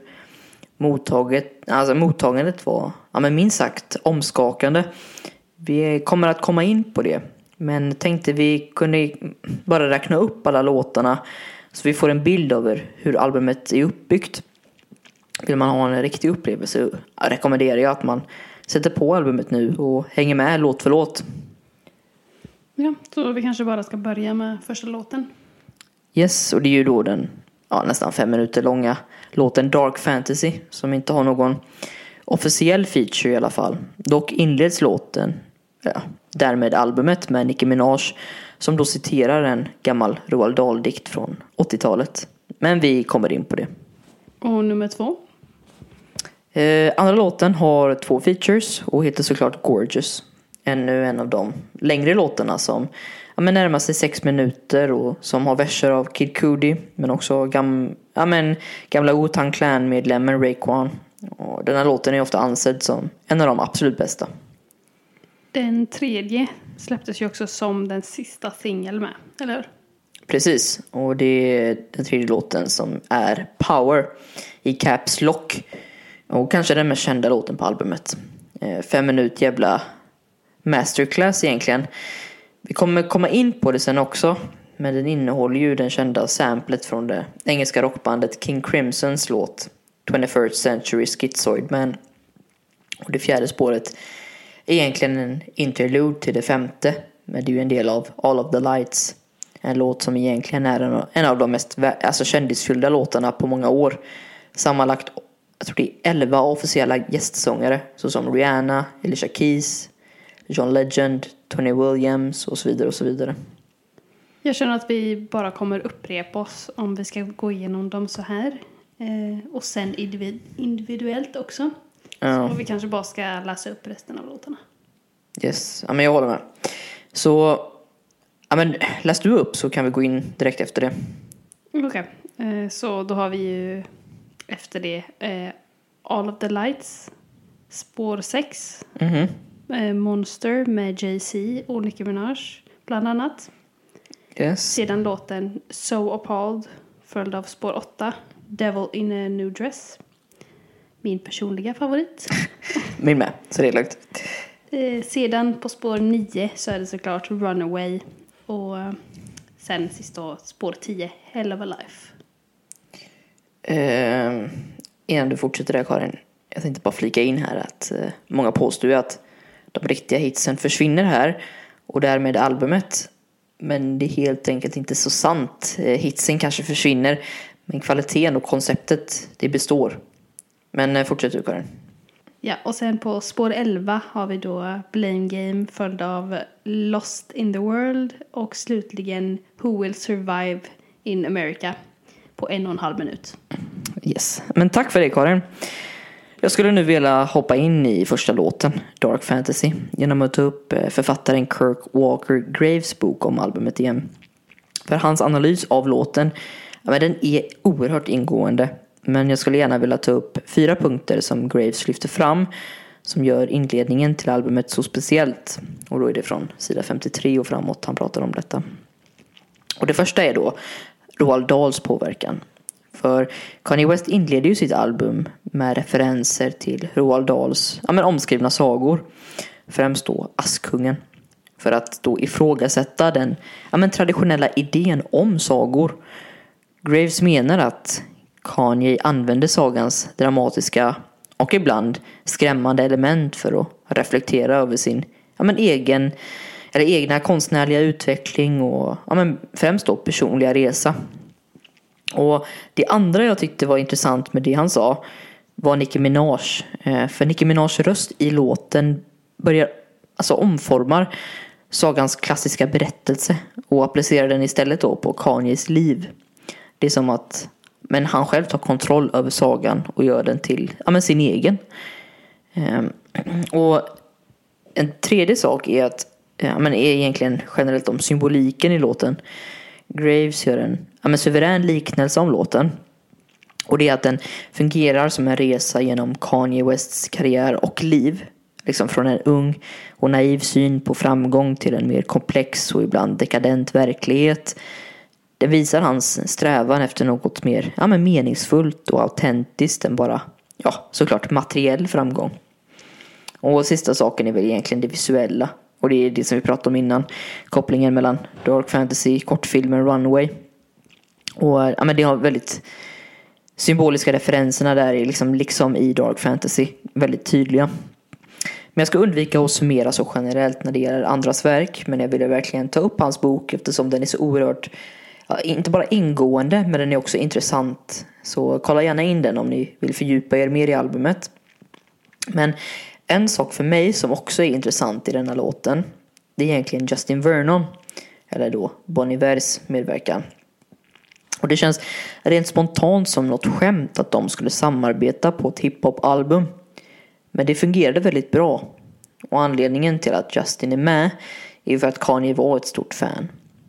Eh, jag tror att han hörde Bon Ivers album Forever, Forever Ago och blev helt enkelt berörd. Och därför valde han att flyga ner till Justin till Hawaii då. Och det verkar som att de var mer lika än vad han hade kunnat tänka sig. Inte bara blev de vänner utan också producerade de flera låtar tillsammans då. Både på detta albumet men också utanför. Egentligen när Kanye och Justin skriker ut Can we get much higher? Är det liksom inte bara kontroversiellt eftersom Kanye inte riktigt var på toppen innan detta albumet kom ut. Minst sagt. Men det är egentligen också en tydlig start på deras vänskap. De skriker nämligen i enormt påtaglig autotune, vilket båda är sjukt intresserade av. Men de, men de får det ju att låta suveränt också. Yes, ska vi gå vidare kanske? En sak till eh, bara om Dark Fantasy. Jag har skrivit ner en till punkt här. Eh, kan tyckas lite märklig men i denna låt som jag pratar om återbesöker Kanye sin resa genom framgång och den person han var tidigare. Men från sina naiva drömmar om berömmelse till en mer ja, men komplex verklighet kan man säga. Och han använder såklart mycket referenser. Men en referens jag har fastnat för är hur han använder men element från Washington Irvings verk från 1820. Då liksom ah, Kristina oh, från Duvemåla knappt levde. Alltså Legend of Sleepy Hollow. Och då för att spegla detta. Och The Legend of Sleepy Hollow är en novell från 1820 av den då amerikanska författaren Washington Irving. Och den ingår då i hans ja, samling av essäer och noveller med titeln The Sketchbook of Jeffrey Crayon Gent. Och Irving skrev berättelsen medan han bodde i Birmingham i England. Och jag fastnade för en bloggpost från 2011 på forumet Kanye to the. Där en oerhört, oerhört påläst användare vid namn SZ beskrev referensen väldigt tydligt. Till exempel då en sak som båda har gemensamt som SZ tar upp är hypergami. Och det handlar om att gifta sig med någon av, av högre status helt enkelt. Ett tema, ja, både låten då, men och Kanyes liv. Och dessutom använder båda, är både huvudpersonen i berättelsen från 1820 och Kanye då musik för ett sätt att bearbeta och uttrycka känslor. Men blogganvändaren fortsätter också genom att prata att i, om att då i låten Dark Fantasy skapas en ja, men gotisk och drömsk atmosfär som då återspeglar stämningen i Sleepy Hollow. Han tar upp exemplet då med Nicki Minajs öppningsvers där hon sätter tonen för låten och då återupplivar Roald Dahl-dikten som återbesöker Askungen då som jag sa innan. Vilket ger en omarbetad twist till den klassiska sagan. Och gör det också på engelska, eller brittisk dialekt liksom. Och det finns också en liknande känsla av en berättelse som ja, men flyr till en alternativ värld något som resoneras från Irvings beskrivning av Sleepy Hollow som en plats om, för berättelsernas flykt. Jag vill egentligen bara ge exempel på hur mycket referenser Kanye använder sig av. Blogganvändaren avslutar sitt inlägg genom att prata om hur Dark Fantasy tar inspiration från The Legend of Sleepy Hollow för att ja, men utforska hans personliga resa och reflektera över utveckling som artist och individ. Och Kanye bör få mer uppmärksamhet för hans litterära referenser helt enkelt. Spår 2 är Gorgeous med två officiella features. Kid Cudi och eh, Rake One. Lite otydlig där Karin. Ja, Rake One ja. Inte, inte någon jag hör Inte, så ofta. inte en av dina favoritartister. Nej. Men den här låten har inte varit, hade inte varit densamma om inte Kid Cudi spelade en jäkligt stor roll. För det var tidigt en av dagarna i studion där eh, ungefär hälften av alla i campet hade kommit tillbaka från träningen. Men på förmiddagen då, som Kid Cudi bara hörde gitarriffet från Gorgeous spelas i studion. Såklart är det samplet från blueslåten The Turtles, You Showed Me. Men, framf- men framfört då eh, av Enoch Light 1969. Och själva gitarren är ju distinkt och jag förstår helt varför han fastnade för den. Men Kid Cudi då, som precis hade rökt en joint och gått en stund på löpandet i en blandning mellan, ja, kanske hög på gräs men också endorfiner, tyckte om det så mycket att han gick fram till Kanye och frågade om det. Och jag citerar från en intervju med honom nu. I came up to him and I was like, man, what are you working on? Are you working on this beat? He goes, yeah, you got an idea for it? And I was like, yeah, I might. I didn't. I was lying like a motherfucker. I was like, yeah man, I want to get on this joint. Och det är verkligen Kid Cudis driv som då tillsammans med gitarriffet i början verkligen sätter stämningen och gör det så catchigt. Om man lyckas men ändå ta sig förbi de första 30 sekunderna utan att börja nicka med överhuvudtaget så kan man, borde man nog inte fortsätta lyssna på detta avsnittet just nu. Ehm, jag som ofta analyserar lite äldre musik också i en annan genre ofta är det väldigt kul att gå igenom texterna mer ingående eftersom det är så mycket nutidsreferenser trots att det redan var liksom 14 år sedan. I Gorgeous namedroppar han ju Alec Baldwin men den mest kända referensen är ju förmodligen citat But this pimp is at the top of Mount Olympus ready for the world's game this is my Olympics We make him say ho cause the game is so pimpish shook a South Park rider with a fish stick och, ja. Choke a South Park Writer with a fish stick är ju en uppenbar referens till en händelse kring Kanye West och South Park som uppstod i ja, men det är numera legendariska Fishsticks avsnittet. Det femte avsnittet i den trettonde säsongen av tv-serien. Avsnittet sändes ju ursprungligen den 8 april 2009 på Comedy Central. Och i detta avsnittet skapar ju karaktären Jimmy eh, men ett, ett skämt som blir otroligt populärt om Fishsticks då. Medan Cartman försöker ta åt sig äran av skämtet. Och samtidigt porträtteras då Kanye West som en, en person som inte förstår skämtet överhuvudtaget på grund av sitt liksom, stora ego och självuppfattning som ett geni. Liksom. Och när Kanye refererar till skämtet återanvänder, återanvänder han ju det men obekymrad eftertanke. Alltså South Park-skaparna Trey Parker och Matt Stone som Kanye då ironiskt påstår att han vill choka eller vad säger man strypa med en fiskpinne liksom. Eh, jag, jag har inte det, jag är lite hjärnsläpp där men grundande alltså grundade avsnittet lite på ett internskämt då som sedan utvecklades till en historia om varför Kanye inte förstår ett skämt om varför att gilla fiskpinnar gör honom till en gayfish då. Och avsnittet tog upp Kanyes offentliga uppfattning och tolkade som att han inte hade någon, ja men något sinne för självdistans helt enkelt. Eller kunde skratta åt sig själv. Helt enkelt en satirisk avbildning av hur det verkade som att Kanye inte, ja, kunde förstå skämtet som handlade om, om honom själv. Och detta ledde då till att Kanye reagerade väldigt känslomässigt och kommenterade i sitt blogginlägg. Men också nu här i låten att avsnittet hade verkligen sårat hans känslor. Även fast han tyckte det var roligt insåg han att han behövde arbeta på sitt ego. Och det kommer ju aldrig sluta vara roligt eftersom Kanye aldrig kommer att förstå vad som är roligt med skämtet. Han, alltså, han kommer aldrig förstå det tror jag. Men nu tycker jag ändå du hoppar över Eric Baldwin-referensen lite här. Tycker du det? Eh, Eftersom jag vet att du har pratat om hur bra just den textraden är. Den är stark ja. Eh, Jag har den. Jag kan läsa upp hela. All of them falling eh, for the love of balling. Got caught with 30 rock, the cop like Alec Baldwin. Här pratar han ju om dem liksom. Om vi ska vara lite seriösa. Om förortsbarnets bevåg. Alltså på förortsbarnets bevåg. Kan man säga så? Han ger dem, alltså han ger dem, förortsbarnen, en röst som de inte har i det publika medvetandet.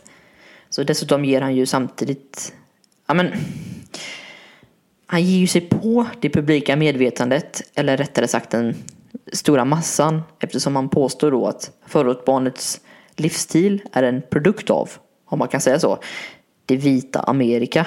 Men inte bara i denna textraden, utan i fortsättningen tar han upp riktiga exempel på hur vita barn i landet behandlas mer humant när de utfört samma brott som de svarta mer utsatta.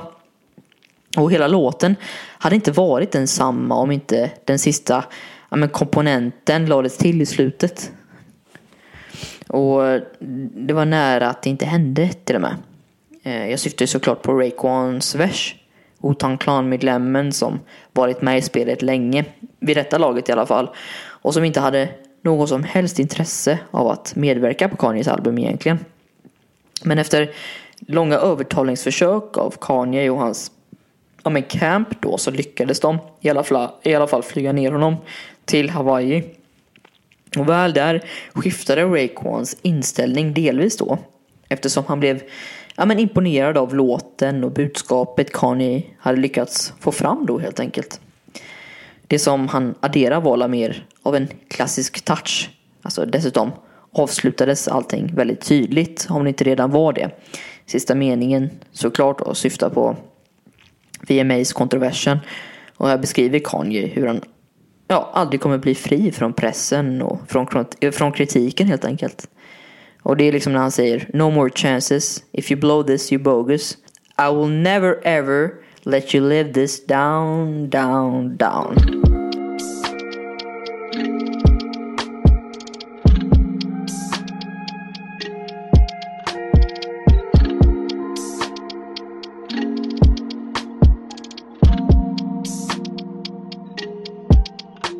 –1969 var ett turbulent år i världen. Inte minst om ja, men länderna som var involverade i Vietnamkriget. Jag kommer till och med nästa säsong göra ett avsnitt om låtarna som skapades i protest till kriget. För de var många. Men en av dem, de var i alla fall 21st Century Schizoid Man av rockgruppen King Crimson. Ett ganska tydligt och slagkraftigt budskap som egentligen handlar om att slå mot dem med makt ursprungsmakarna helt enkelt. Kan ju bara läsa en textrad så förstår man ju. Politicians funeral pyre, innocence raped with napalm fire. Och på samma sätt som den här låten försöker att trycka till dem vid makten som fortsätter att strida i det så förlorade kriget. Ja, men då använder sig Kanye av denna låten i ett sample för att berätta om sin egen makt. Eller rättare sagt power. För det är verkligen så nästa låt heter. En låt som enligt Kanye själv skulle ta 18 miljoner sekunder. 300 000 minuter eller 5 000 timmar att färdigställa. Han blev alltså han blandar alltså samplet från Schizoid Man och Continent Number 6 Afro-America. För att då få ett, ett riktigt starkt och minnesvärt beat till när han pratar om sig själv. För när han pratar om ett personlighetssyndrom schizoid som egentligen innebär brist på intresse för sociala relationer. Ja, men då är han mer ärlig än någonsin. Budskapet är egentligen självklart i låten. Varför ger vi den makt vi ger till kändisar och främst artister? Varför avgudar vi, blåser upp deras egon? Och varför ger vi dem en makt att skada sig själva och andra? Svaret har vi inte. Men det intressanta i hur Kanye bygger upp texten är att han egentligen har två tankar igång samtidigt som egentligen bör säga emot varandra. Han har ju det tydliga budskapet först då som är att det är absurt att ge artister en sån makt som de faktiskt har. Men å andra sidan stoltserar han med sin egen makt och pratar om att han har makt eftersom han är övermänsklig. Han berättar för oss i låten att han är nutidens största och förtjänar att ha all makt. Men varför fungerar det fortfarande? Ja, för min del tror jag att delvis också eftersom det är det första officiella släppet efter skandalen på VMAs, att detta är liksom hans avbön mot förklaring.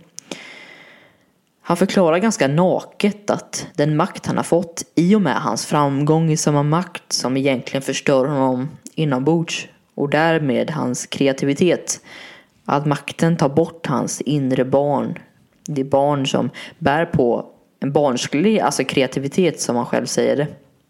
Kommer han fram till någon slutsats eller? eh, inte helt. Men i slutet av låten är ju är han ju i alla fall ganska klar över att den största makten man kan ha är att vara villig att ge upp makten. Alltså att inte ge kritikerna eller andra personer möjligheten att ta makten ifrån honom. Så det är som... Ja men det är liksom... Det är just det som är makt. Att ha makt nog att ge upp den frivilligt.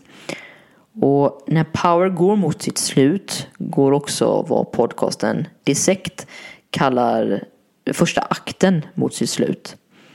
Här menar han då i podcasten med hjälp av sista raden i låten Power där Kanye i princip skapar sitt eget hypotetiska självmord. Ja, men där slutar akt 1 i den klassiska treakt hjältesagan som man kan dela upp albumet i. Jag tycker det är lite intressant för efter Dark Fantasy, Gorgeous och Power har nu hjälten lämnat sin vanliga värld för att börja sin resa i det omedvetna. Och det omedvetna heter då All of the Lights. Ja, det gör den. Uh, här gör podcasten Dissect ännu en observation. För innan All of the Lights börjar uh, en interlude. En interlude som bara har ett piano och en cello. Och det låter då oerhört likt begravningsmusik.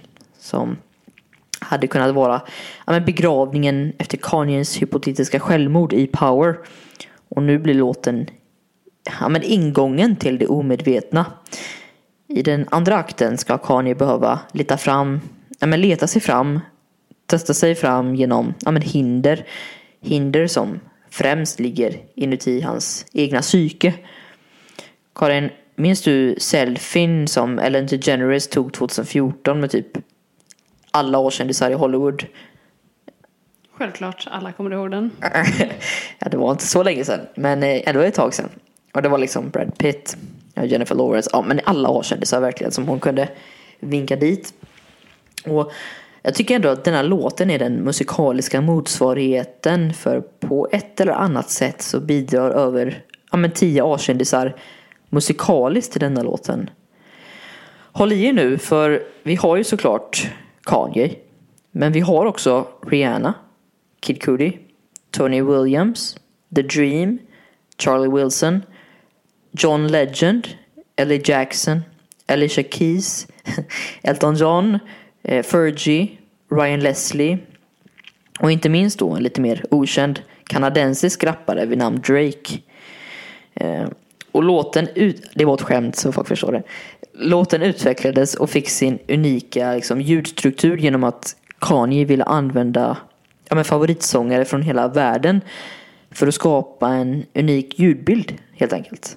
En rolig grej är egentligen att Ellie Jackson sa efter att låten hade gjorts att jo alltså hon förstod idén att men Kanye ville samla alla artisters ljud för att göra det liksom unikt. Men det var inte så att någon fick en vers. Om hon ska vara helt ärlig så kan hon inte ens höra sig själv i låten. Men Kanye har lovat att hon är någonstans där. Så. Men under MTV Europe Music Awards avslöjade också Rihanna sin kärlek till låten och berättade att hon blev kallad till studion mitt i natten av Kanye eftersom hon älskade låten från första stunden. Eh, hon sa liksom I knew it was that song. Eh, Malik Youssef, en av låtskrivarna, eh, delade en anekdot om att skapa låtens signaturdel efter att ha reflekterat över sitt med barns första ord, light. Och det är lite töntigt är det, men Josef förklarade att jag tänkte ljus är ett vackert ord. Det finns alla slags ljus. Solsken, ficklampa, nattlampor, gatlyktor. All of the lights. Så han beskrev även hur den liksom bokstavliga lampan gick upp i hans huvud när han kom på refrängen till låten då. Men om vi ska vara ärliga så är det mest en feature som spelar mest roll på albumet. Det är såklart den av Elton John. För det finns ju egentligen två All of the Lights. En som är själva låten, men också en prelude, som det så fint heter. En prelude på endast 62 sekunder som innehåller två instrument, varav det ena spelas av Elton John då, och det är ju pianot förstås. Och här kommer också låtskrivaren Malik Youssef in igen, som jag pratade om innan. Han hade nämligen sett till att Elton John kom till Hawaii för att spela in sina delar. Elton var inte sen med att tacka ja eftersom han visste hur talangfull Kanye var. Exempelvis hade Kanye samplat en av hans låtar till sitt förrförra album. Så de kände varandra lite grann i alla fall. Men Malik Youssef berättar i alla fall att när Elton John vandrade in i studion så blev det oerhört märklig stämning. De mer etablerade ja, hiphopartisterna höjde ju minst sagt ja, men på ögonbrynen när en ja, men flamboyant, lite knubbig 61-åring ja, men vandrade in med rosa glasögon. Och ibland då kostymproducenterna. Jag ska citera från Josef igen här. Citat. People laughed at me when I brought Elton John in. They're like, Elton ain't hip hop, Malik. I'm like, ja, this is music motherfuckers. Slutcitat. Det verkar dock som att de flesta blev ja, men tystade när han väl började spela, såklart. Elton har ju pratat ganska ingående i efterhand om detta eftersom det blev mycket rubriker. Förmodligen på grund av att ja, men, det oväntade partnerskapet. Men det Elton hade att säga var ganska simpelt egentligen. Han fick höra fyra av låtarna som var klara för albumet. Ja, men han blev övertygad över att han var i sällskap av en gigant och jag citerar igen från Elton den här gången då. I knew once I heard four or five tracks from that in the studio. I knew it was going to be a motherfucker of a record. Väldigt mycket motherfucker här men eh, de verkar i alla fall vilja få fram sin poäng. Och jag har lyssnat på eh, en till youtuber som heter Dig In The Greats. Och hans video om låten då specifikt och han har en väldigt intressant analys av låten. Inte bara jämför han låtens teman med Odysseen utan han gör också en ja, men ganska intressant observation i låttexten. Exempelvis pratar han om att när Rihanna sjunger sin hook där hon säger Turn up the lights in here baby, I want you to see everything kan det vid första anblicken då låta mestadels sexuellt. Men Rihanna fortsätter sen med att säga I want you to see all of my lights, eh, all of the lights.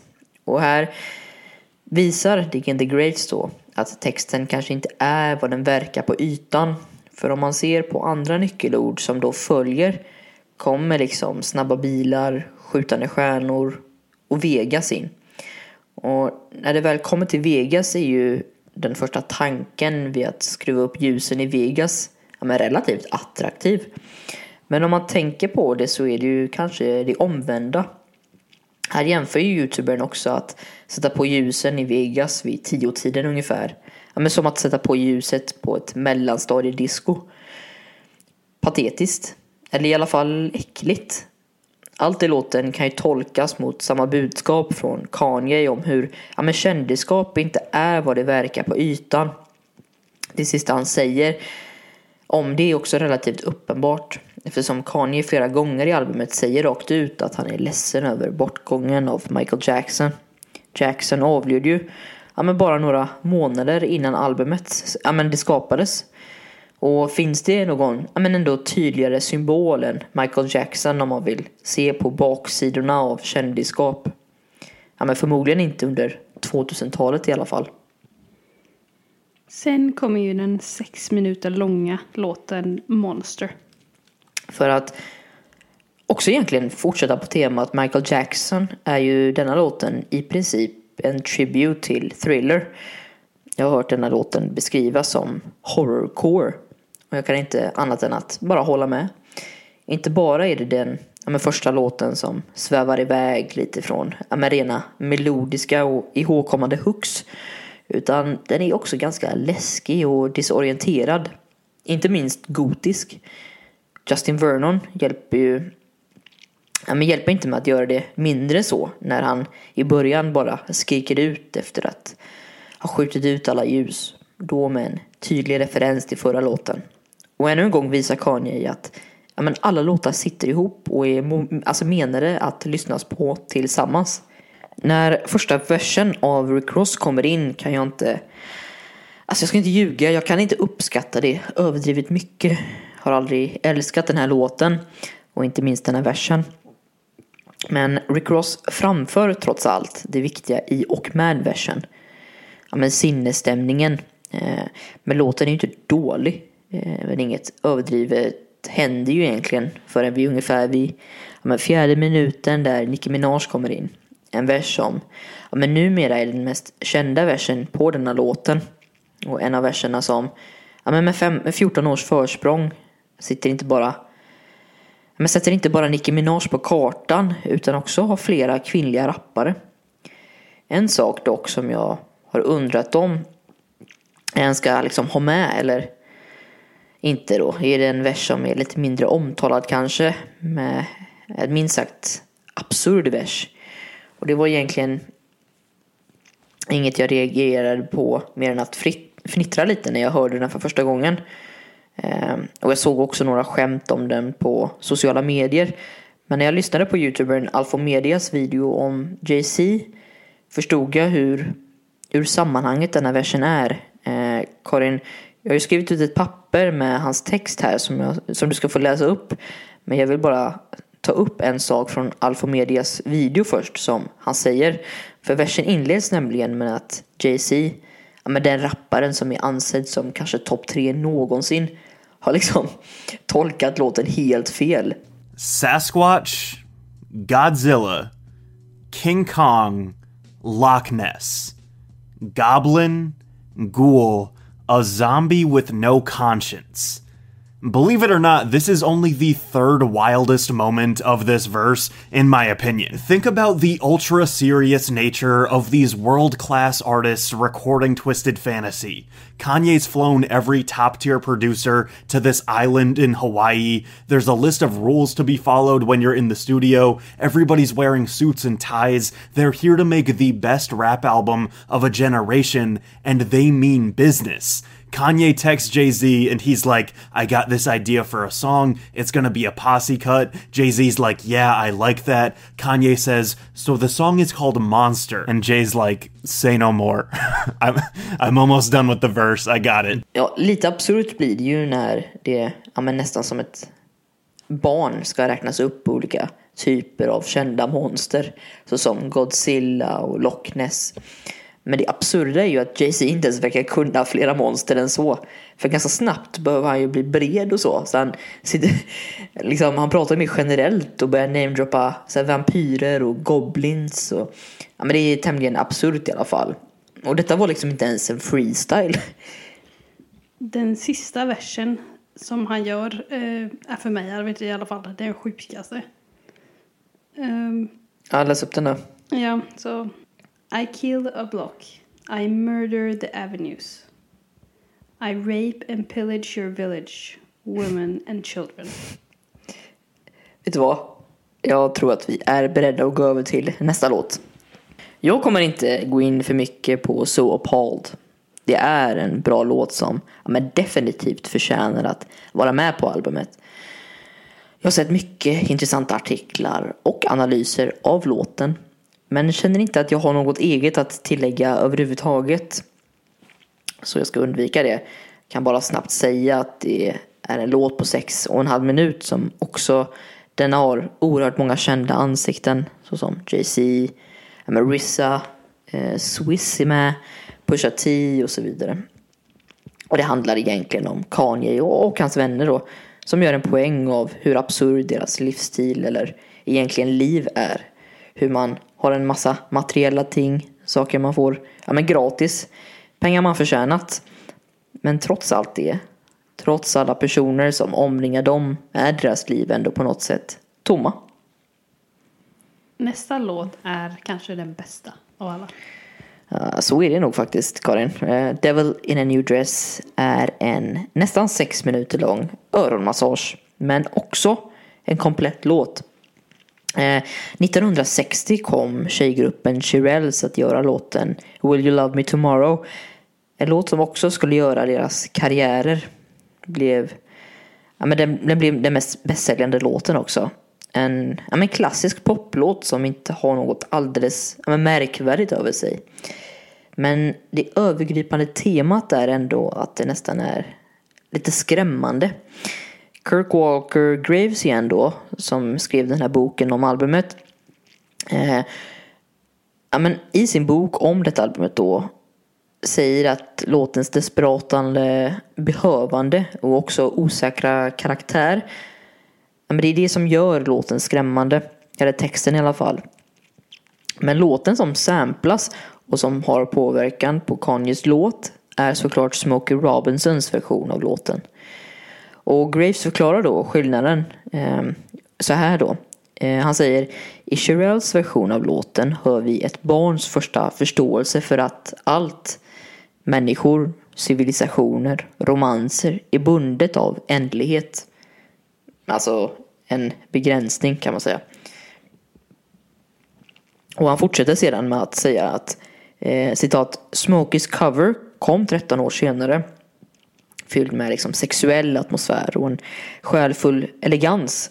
Och hans låt är avsedd för en mogen publik. Samtyckande vuxna som alltför väl förstår tillfällighetens natur. Men är alltför upphetsade för att bry sig om det just nu. Chirels ärliga tvivel har ersatts av en långsam förförelse. Slutcitat. Hur hänger det här ihop med eh, Devil in a new dress? Will You Love Me Tomorrow och Devil in the New Dress är låtar som... Ja, men den första låtens titel är en fråga som den andra låten försöker svara på genom sin berättelse. Men oavsett vad, låt oss gå in på Devil in a New Dress på riktigt. För att Kanye att ens Kanye använder sig av bitet i en slump till exempel. Detta är nämligen den enda låten som Kanye inte haft någon som helst producent credit på. Det, mest, alltså det mesta är gjort av en välkänd producent vid namn Bink. Han ville ha det ja, men för sig själv och hade absolut noll tanke att dela med sig av det. Eh, trots tidspressen och att de experimenterade i studion då. Det var bara så att när de satt i studion sent en kväll och hade fastnat så hade Bink uppe sin dator för att ja, föra över en fil och testa något nytt. Ja, lite oklart är det. Men iTunes var i alla fall igång och då råkade uppenbarligen Binks hand avtrycka spelarknappen och i högtalarna där spelades då bitet till låten. Ett beat som han har sagt, alltså han har sparat i flera år, i alla fall minst ett år. Men det första som Kanye gjorde när han fick höra det var att springa in i studion och liksom börja freestyla över det. Han fick alltså vittring. Och han, jag tror han sa samma sak som det börjar. I love it though, I love it though. Eh, och han började prata om Jesus och Satan och så. Något som också ändå kom med i slutgiltiga versionen. Och Kanyes verser då i låten är egentligen ganska alldagliga. Alltså även fast hans ego fortfarande är som en gud. Eh, det handlar egentligen ganska enkelt förklarat om ett förhållande med en kvinna. Ett förhållande som ja, men minst sagt går utför. Men ännu en gång kommer temat om livet i rampljuset fram. För problemet med kvinnan är att protagonisten vet, Eller helt enkelt är säker att hon inte älskar honom på grund av ja, men hans personlighet eller utseende. Utan kanske då endast för att han är en stjärna. Och det blir inte mer Kanye än de första verserna heller när han sätter sammanhanget. Put your hands to the constellation. The way you look should be a sin. You're my sensation. Och sen fortsätter han ju med I know I'm preaching to the congregation. We love Jesus but you don't learn done learned a lot from Satan. Alltså fortfarande simpelt men kraftfullt. För övrigt den tredje gången på albumet nu som Kanye sagt till oss att sätta händerna i luften. Och han berättar i alla fall att idén om kärlek är inte så äkta som den kan vara. Både otrohet och bråk har präglat relationen han sjunger om. Som till slut då leder till att allt rasar samman. Man kanske inte kan känna igen sig i situationen själv. Men det behövs liksom inte. Man känner, alltså man känner av låten ändå. Inte minst då nästa del efter Kanye där ett gitarrsolo spelas. Och det är Mike Dean som gör ett enastående jobb med att föra in ett så starkt gitarrsolo på ett hiphop-beat. Alltså jag tror att det är svårare än vad det låter. Även fast hans gitarrsolo är bra och kommer efter typ fyra minuter av låten redan. En vers som ja, men, kanske är bättre än alla andra på låten. Och för mig, och jag vet många andra, är en av höjdpunkterna på hela albumet. Och det är såklart Rick Ross vers. Inte bara är det alla fan, alltså fans som upphöjer verserna. Även han själv. Han har till och med spelat in en egen musikvideo för sin vers och lagt ut den på sina kanaler. Vilket han har fått mycket visningar också för. Ska tilläggas. Men Rick Ross ska nog vara glad att han hade Kanye ändå. Eftersom Rick Ross vers inte var den, ja men det första utkastet. Det var nämligen så att han hade, när han spelade in första utkastet av versen. Första gången då så hörde Kanye det. Gick in i bootet och sa direkt att han, han kan bättre. Och sedan ska han ha gått ut till en annan studio. Och Rick Ross vittnar ju själv om hur han nästan blev förolämpad. Men tog det istället som en drivkraft eftersom han visste att Kanye bara var ärlig och försökte hjälpa. Han började helt enkelt skriva om versen. Och det var nämligen en oerhörd tidspress. Rick Ross säger själv att det var den sista dagen innan han behövde liksom lämna in albumet. Och därför levererade han. Eh, det tog 30 minuter, sen var versen skriven. Och sen när han gjort klart versen visste han om att det inte bara skulle bli bra, men perfekt nästan. Det blev ju också så. Eh, versen är ofta ansedd som hans bästa i sin karriär. Och även fast budskapet eller undermeningen inte är något alltså extra i hans vers så liksom pratar han om kvinnor och sin vänskap till Kanye. Eh, och den är väldigt vackert komponerad i alla fall. Eh, bara textraden I'm making love to the angel of death Catching feelings never stumble retracing my steps Alltså man behöver inte ens rappa för att säga den melodiskt. Eh, man kan säga att Rick Ross vers är den, alltså är där för att ja, men rensa upp alla lösa tyglar egentligen. Jag måste bara säga att mitt favorittillfälle i den här låten då är när eh, Kanye lyckas att rimma namnet LeBron med Rhyme. Det är en av mina favoriter också. det har faktiskt en ganska stor eh, eh, undermening men låt oss inte överanalysera detta. Om vi ska gå förbi Rick Ross vers nu och prata om den sista sekunden egentligen. För när Good Fridays var igång då släpptes denna låten först som en av singlarna. Alltså mycket väl mottagen såklart. Men det var förmodligen eftersom publiken inte förstod potentialen i hur låten faktiskt kunde fungera. För visst, alltså versionen har Kanyes verser och helt okej okay producerad. Men den har inte Rick Ross vers och gitarrsolot. Men den slutar på samma sätt i alla fall. Och när en singel slutar så kan man såklart inte veta vilken kontext den kommer att placeras i på albumet. Vilken betydelse nästa låt faktiskt kommer ha. Devil in a new dress är spår 8 på albumet. Och när man ser, alltså det i albumet hade man nästan kunnat addera ordet interlude inom parentes om man ser till liksom vilken betydelse den här har för nästa låt. Alltså det är ju förspelet för Runaway såklart. Stämningsbyggaren. Uppladdningen, kalla vad du vill. om man lyssnar på albumet helt så är det självklart. Eh, Devil in a new dress avslutas snabbt följt av ett E. Spelat om och om igen på ett klassiskt piano. Och jag gillar verkligen hur podden Dissect sa det i sin podcast om specifikt den här låten. De har gjort ett avsnitt som heter Devil in a new dress by Kanye West. Och jag har fått deras tillåtelse så vi kanske kan bara lyssna på några sekunder av vad han sa. It's a fitting end to a song that essentially exists entirely in a tonal gray area. As you remember, at the top of the show, I pointed out how the song's harmonic structure takes place in this weird, unresolved middle area. How it endlessly alternates between E major and D sharp minor. No sign of the home chord or resolution in the entire piece. Han pratar om ja, men hur låten egentligen befinner sig helt i en gråzon. Att låten alltid är alltså otillfredsställande eller olöst. Där det egentligen ja, men går mellan två olika ackord hela tiden. Men ingen riktig lösning. Eller vad man brukar kalla resolution chord. The opening note of Runaway is an E. It's the root note of that E major chord prominently featured on Devil in a New Dress. But where on Devil, that ascending piano riff leads into an E major chord.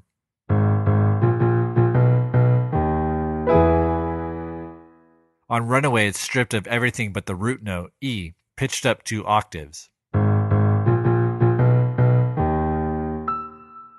Här menar han att Runaway startar med en repetition av E-noten. Det som så ofta hörs på Devil in a new dress. Själva övergången är ju klar, men repetitionen av E-noten är både lite smått obehaglig, nästan som en lite kylig vind blåser genom rummet. Men samtidigt som han också säger att men, men fungerar övergången genom att nollställa vår palett ungefär. Men när Runaway verkligen sätter igång, ja då är det såklart just den tonart som vi har sökt efter i hela förra låten. Därför har vi byggt upp för Runaway i sex minuter genom att söka oss fram och vänta tålmodigt.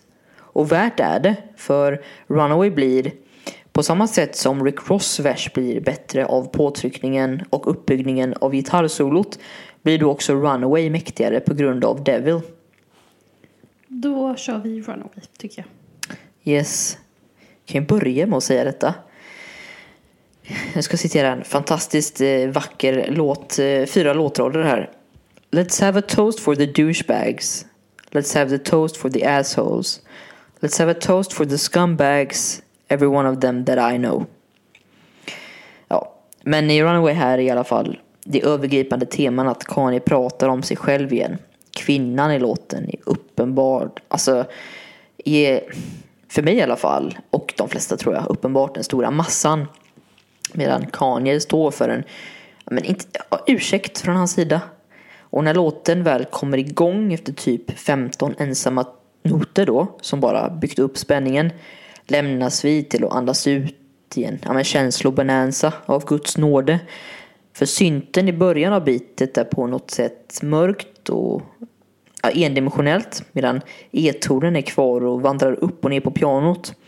Om man får vara lite pretentiös igen eh, än vad jag redan är så egentligen så känns det just det, eller tror jag i alla fall till och med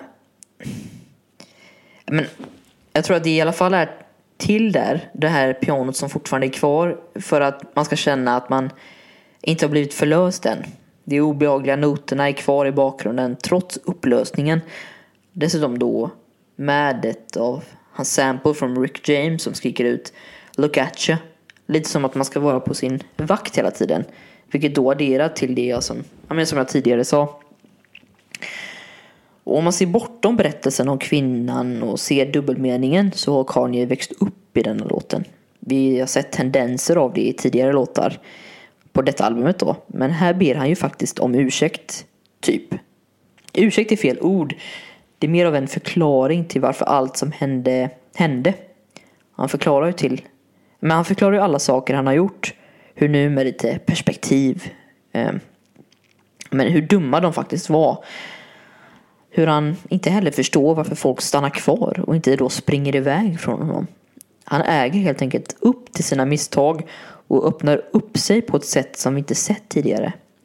Men i den otroligt långa nio minuters låten så är nog den sista delen det som är piken. För när Kanye och Pusha T gjort sina verser så går Kanye över till en distortad röst som man knappt förstår någonting av. Om dörren till hans riktiga känslor hade stått på glänt förut står nu dörren helt öppen på ett nästan ja, men självhatande sätt också. Det intressanta är ju också att här tolkar jag det som att nu när han öppnar upp sig helt och hållet så behöver han den här autotunen för att gömma sig lite. Han klarar liksom inte av att vara så transparent. Du sa till mig också att eh, du vill hoppa över nästa låt, eller hur? Ja, egentligen. Det är nog mest för att jag inte ser hur att ja, men gå längre in på den och analysera. Skulle ge en större kontext till albumets tema. Men om ni vill lyssna på en låt om Kanye när han ser på porr och försvarar porrstjärnor så ta en paus och sätt på den. Ja, så nästa sång heter då Blame Game. Precis. Och det är exakt vad den handlar om också. Eh, kris. Emotionell kris. Som ännu en gång Kirk Walker Graves skrev i sin bok om albumet Blame Game. Eh, där säger han Blame Game translates the utter psychological de degradation of a failed relationship into a pop record. Och ännu en gång, jag kan inte mer än att hålla med. Egentligen är detta Kanye som sätter lite press på pressen. Han ställer dem frågan varför de inte gått vidare från honom. Varför de följer efter varje steg han tar. Han, som titeln säger, blamear, eller då skyller på pressen. Vad är det specifikt han beskyller pressen för att göra egentligen? Eh, ja, men det är ju liksom att han fortsätter att göra misstag och vara kontroversiellt. Vilket pressen också, och media, älskar att skriva om och framföra negativt. Enligt Kanye då. Eh, men de fortsätter ju att jaga honom överallt. De fortsätter ju att söka reaktioner och engagemang. Han skyller ju på pressen för att ja, men gör det honom själv. Tänker jag i alla fall. Detta förstärks även när ingen mindre än John Legend kommer in och men han har ju också en vers. Och här pratar ju Legend om, eller bättre om jag citerar. Let's play the blame game. I love you more. Let's play the blame game for sure. Och det är ju inte så att Kanye är oskyldig. Men jag tror att budskapet här är att pressen inte är intresserade av att visa den rätta sidan av Kanye.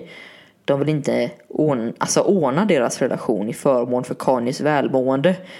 Nej, de vill tvärtom skada honom för sin egen gynning. Alltså då som Legend säger, let's play the blame game for sure. Och Chris Rock blev ju också nedbjuden till Hawaii för att spela in en sketch i slutet på den här låten. Han lyfte fram ett vulgärt samtal mellan Kanyes före detta partner och hennes och henne då och diskuterar förhållandet. Eh, han beskriver ju hennes klädsel, deras sexuella relation och ger komplimanger till henne. Till hennes färdigheter. Allt medan han ständigt återkommer till frasen då. Yeezy taught me. Alltså Yeezy lärde mig.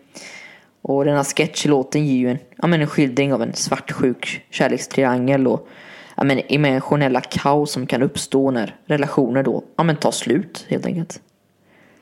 Ja, då har vi bara två låtar kvar Arvid. Och nästa låt heter nämligen Lost in the World.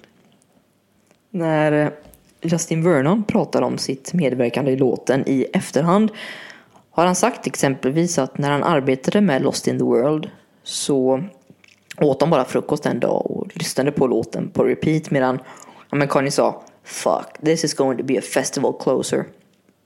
Och ungefär då, ja men då skulle Justin Vernon förstå magnituden på det projekt han var del av. Bara tanken på att låten skulle spelas i sådana sammanhang gjorde honom ängslig. Själva låten är ju sjukt catchy. Alltså Kanyes text är lite unik eftersom det egentligen först var sett som en kärleksdikt dedikerad till ingen mindre än Kim Kardashian som Kanye ska ha mejlat direkt, alltså dikten till. Något som uppenbarligen fungerade eftersom de blev tillsammans två år senare. Men som jag sa för typ en timme sen så var ju Bon Ivers album For Emma Forever Ago ett album som Kanye verkligen uppskattade. Och detta ledde ju också emellertid till deras vänskap och relation. Ehm, Visst, eh, Justin Vernon var ju med och skapade Monster och Dark Fantasy. Men tror nog att alltså, han har absolut mest avtryck här. Eh, egentligen började ju låten med ett enkelt ljudspår från Kanye. Efter det tog Vernon och bidrog med sång och skapade en körliknande klang liksom. Med sin röst då för att förstärka låten. Vilket gör det ganska unikt för en hiphop-låt. Och speciellt på detta albumet med men speciellt på detta albumet med, med inspirationer från Michael Jacksons död och också ledde till Lost in the World blev så känslomässig som den faktiskt blev.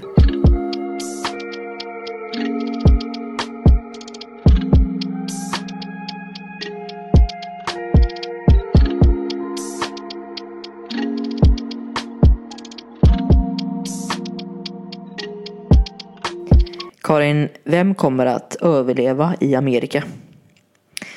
Ja, du behöver inte svara, men den frågan ställer sig Kanye när Lost in the World, friktionsfritt, pendlar över till sista spåret. En 98 sekunder kort epilog som har diskuterats om den är värdig eller ej. Citatet “America is now blood and tears instead of milk and honey” säger Jill Scott Heron som ofta beskrivs som en, ja, en jazzpoet, vilket jag inte kan annat än att älska. Men det är alltså ett sample från hans poem Comet Number One från början av 70-talet. Ett spoken word som egentligen handlar om en afroamerikansk, om en afroamerikansk upplevelse i Amerika. Exempelvis då det citat jag gav precis om att Amerika nu är blod och tårar men istället för mjölk och honung, vilket han fortsätter på och säger Ungdomarna som programmerades att fortsätta förstöra vaknade en natt och ansåg att Paul River och Nat Turner, men de var goda killar. Han säger att systemet har misslyckats, programmerat att förstöra allting. Och efter att Vem kommer att överleva i Amerika repeteras tillräckligt så kommer det man tror ska vara klimaxet. Golfapplåden som man kan tolka som att Kanye inser att låten i stort sett faller på döva öron. Att de flesta människor aldrig riktigt kommer att förstå honom. Man kan också se på det som ett ironiskt tillägg. Ditsatt då för att skämtsamt, ja men lite enkelt applådera det mästerverk och album med tio minuter långa låtar och en förstörd mans inre tankar. Men främst en av nutidens största artisters Magnus, äh, Magnus Opus. Så där har vi det egentligen. Eh, det album som skapades i efterspelet av Kanyes största skandal fram till 2010. Efter år av självsabotage framför hela världens ögon. Efter släppet av albumet blev My Beautiful Dark Twisted Fantasy men omedelbart hyllat av kritiker världen över egentligen. Det blev snabbt en omtalat som något unikt och ansågs ja, men som ett av 2010-talets bästa album. Kanye Wests förmåga att, med att blanda olika musikstilar och skapa något nyskapande, ja, men det beundrades av många. Albumet fick också ja, men stor kommersiell framgång och blev ett kulturellt landmärke i hiphop och musik överlag. Det vann flera priser, inklusive topplaceringar på årsbärslistor och hyllades som ett verk som definierade ett decennium. Och det visade Wests då konstnärliga mod och förmåga att bryta konventioner. Vilket gjorde att det särskilde sig från andra album och men positionerade sig som en milstolpe inom musikvärlden. Och även om albumet hade sina kritiker och vissa uttryckte ja, men viss reservation kring dess texter och struktur anses det ändå vara en av Kanyes ja, men mest betydelsefulla och banbrytande verk. My Beautiful Dark Twisted Fantasy fortsatte att få erkännande långt efter dess släpp. Cementerade sin plats som en av de mest hyllade och inflytelserika musikalbumen i modern tid.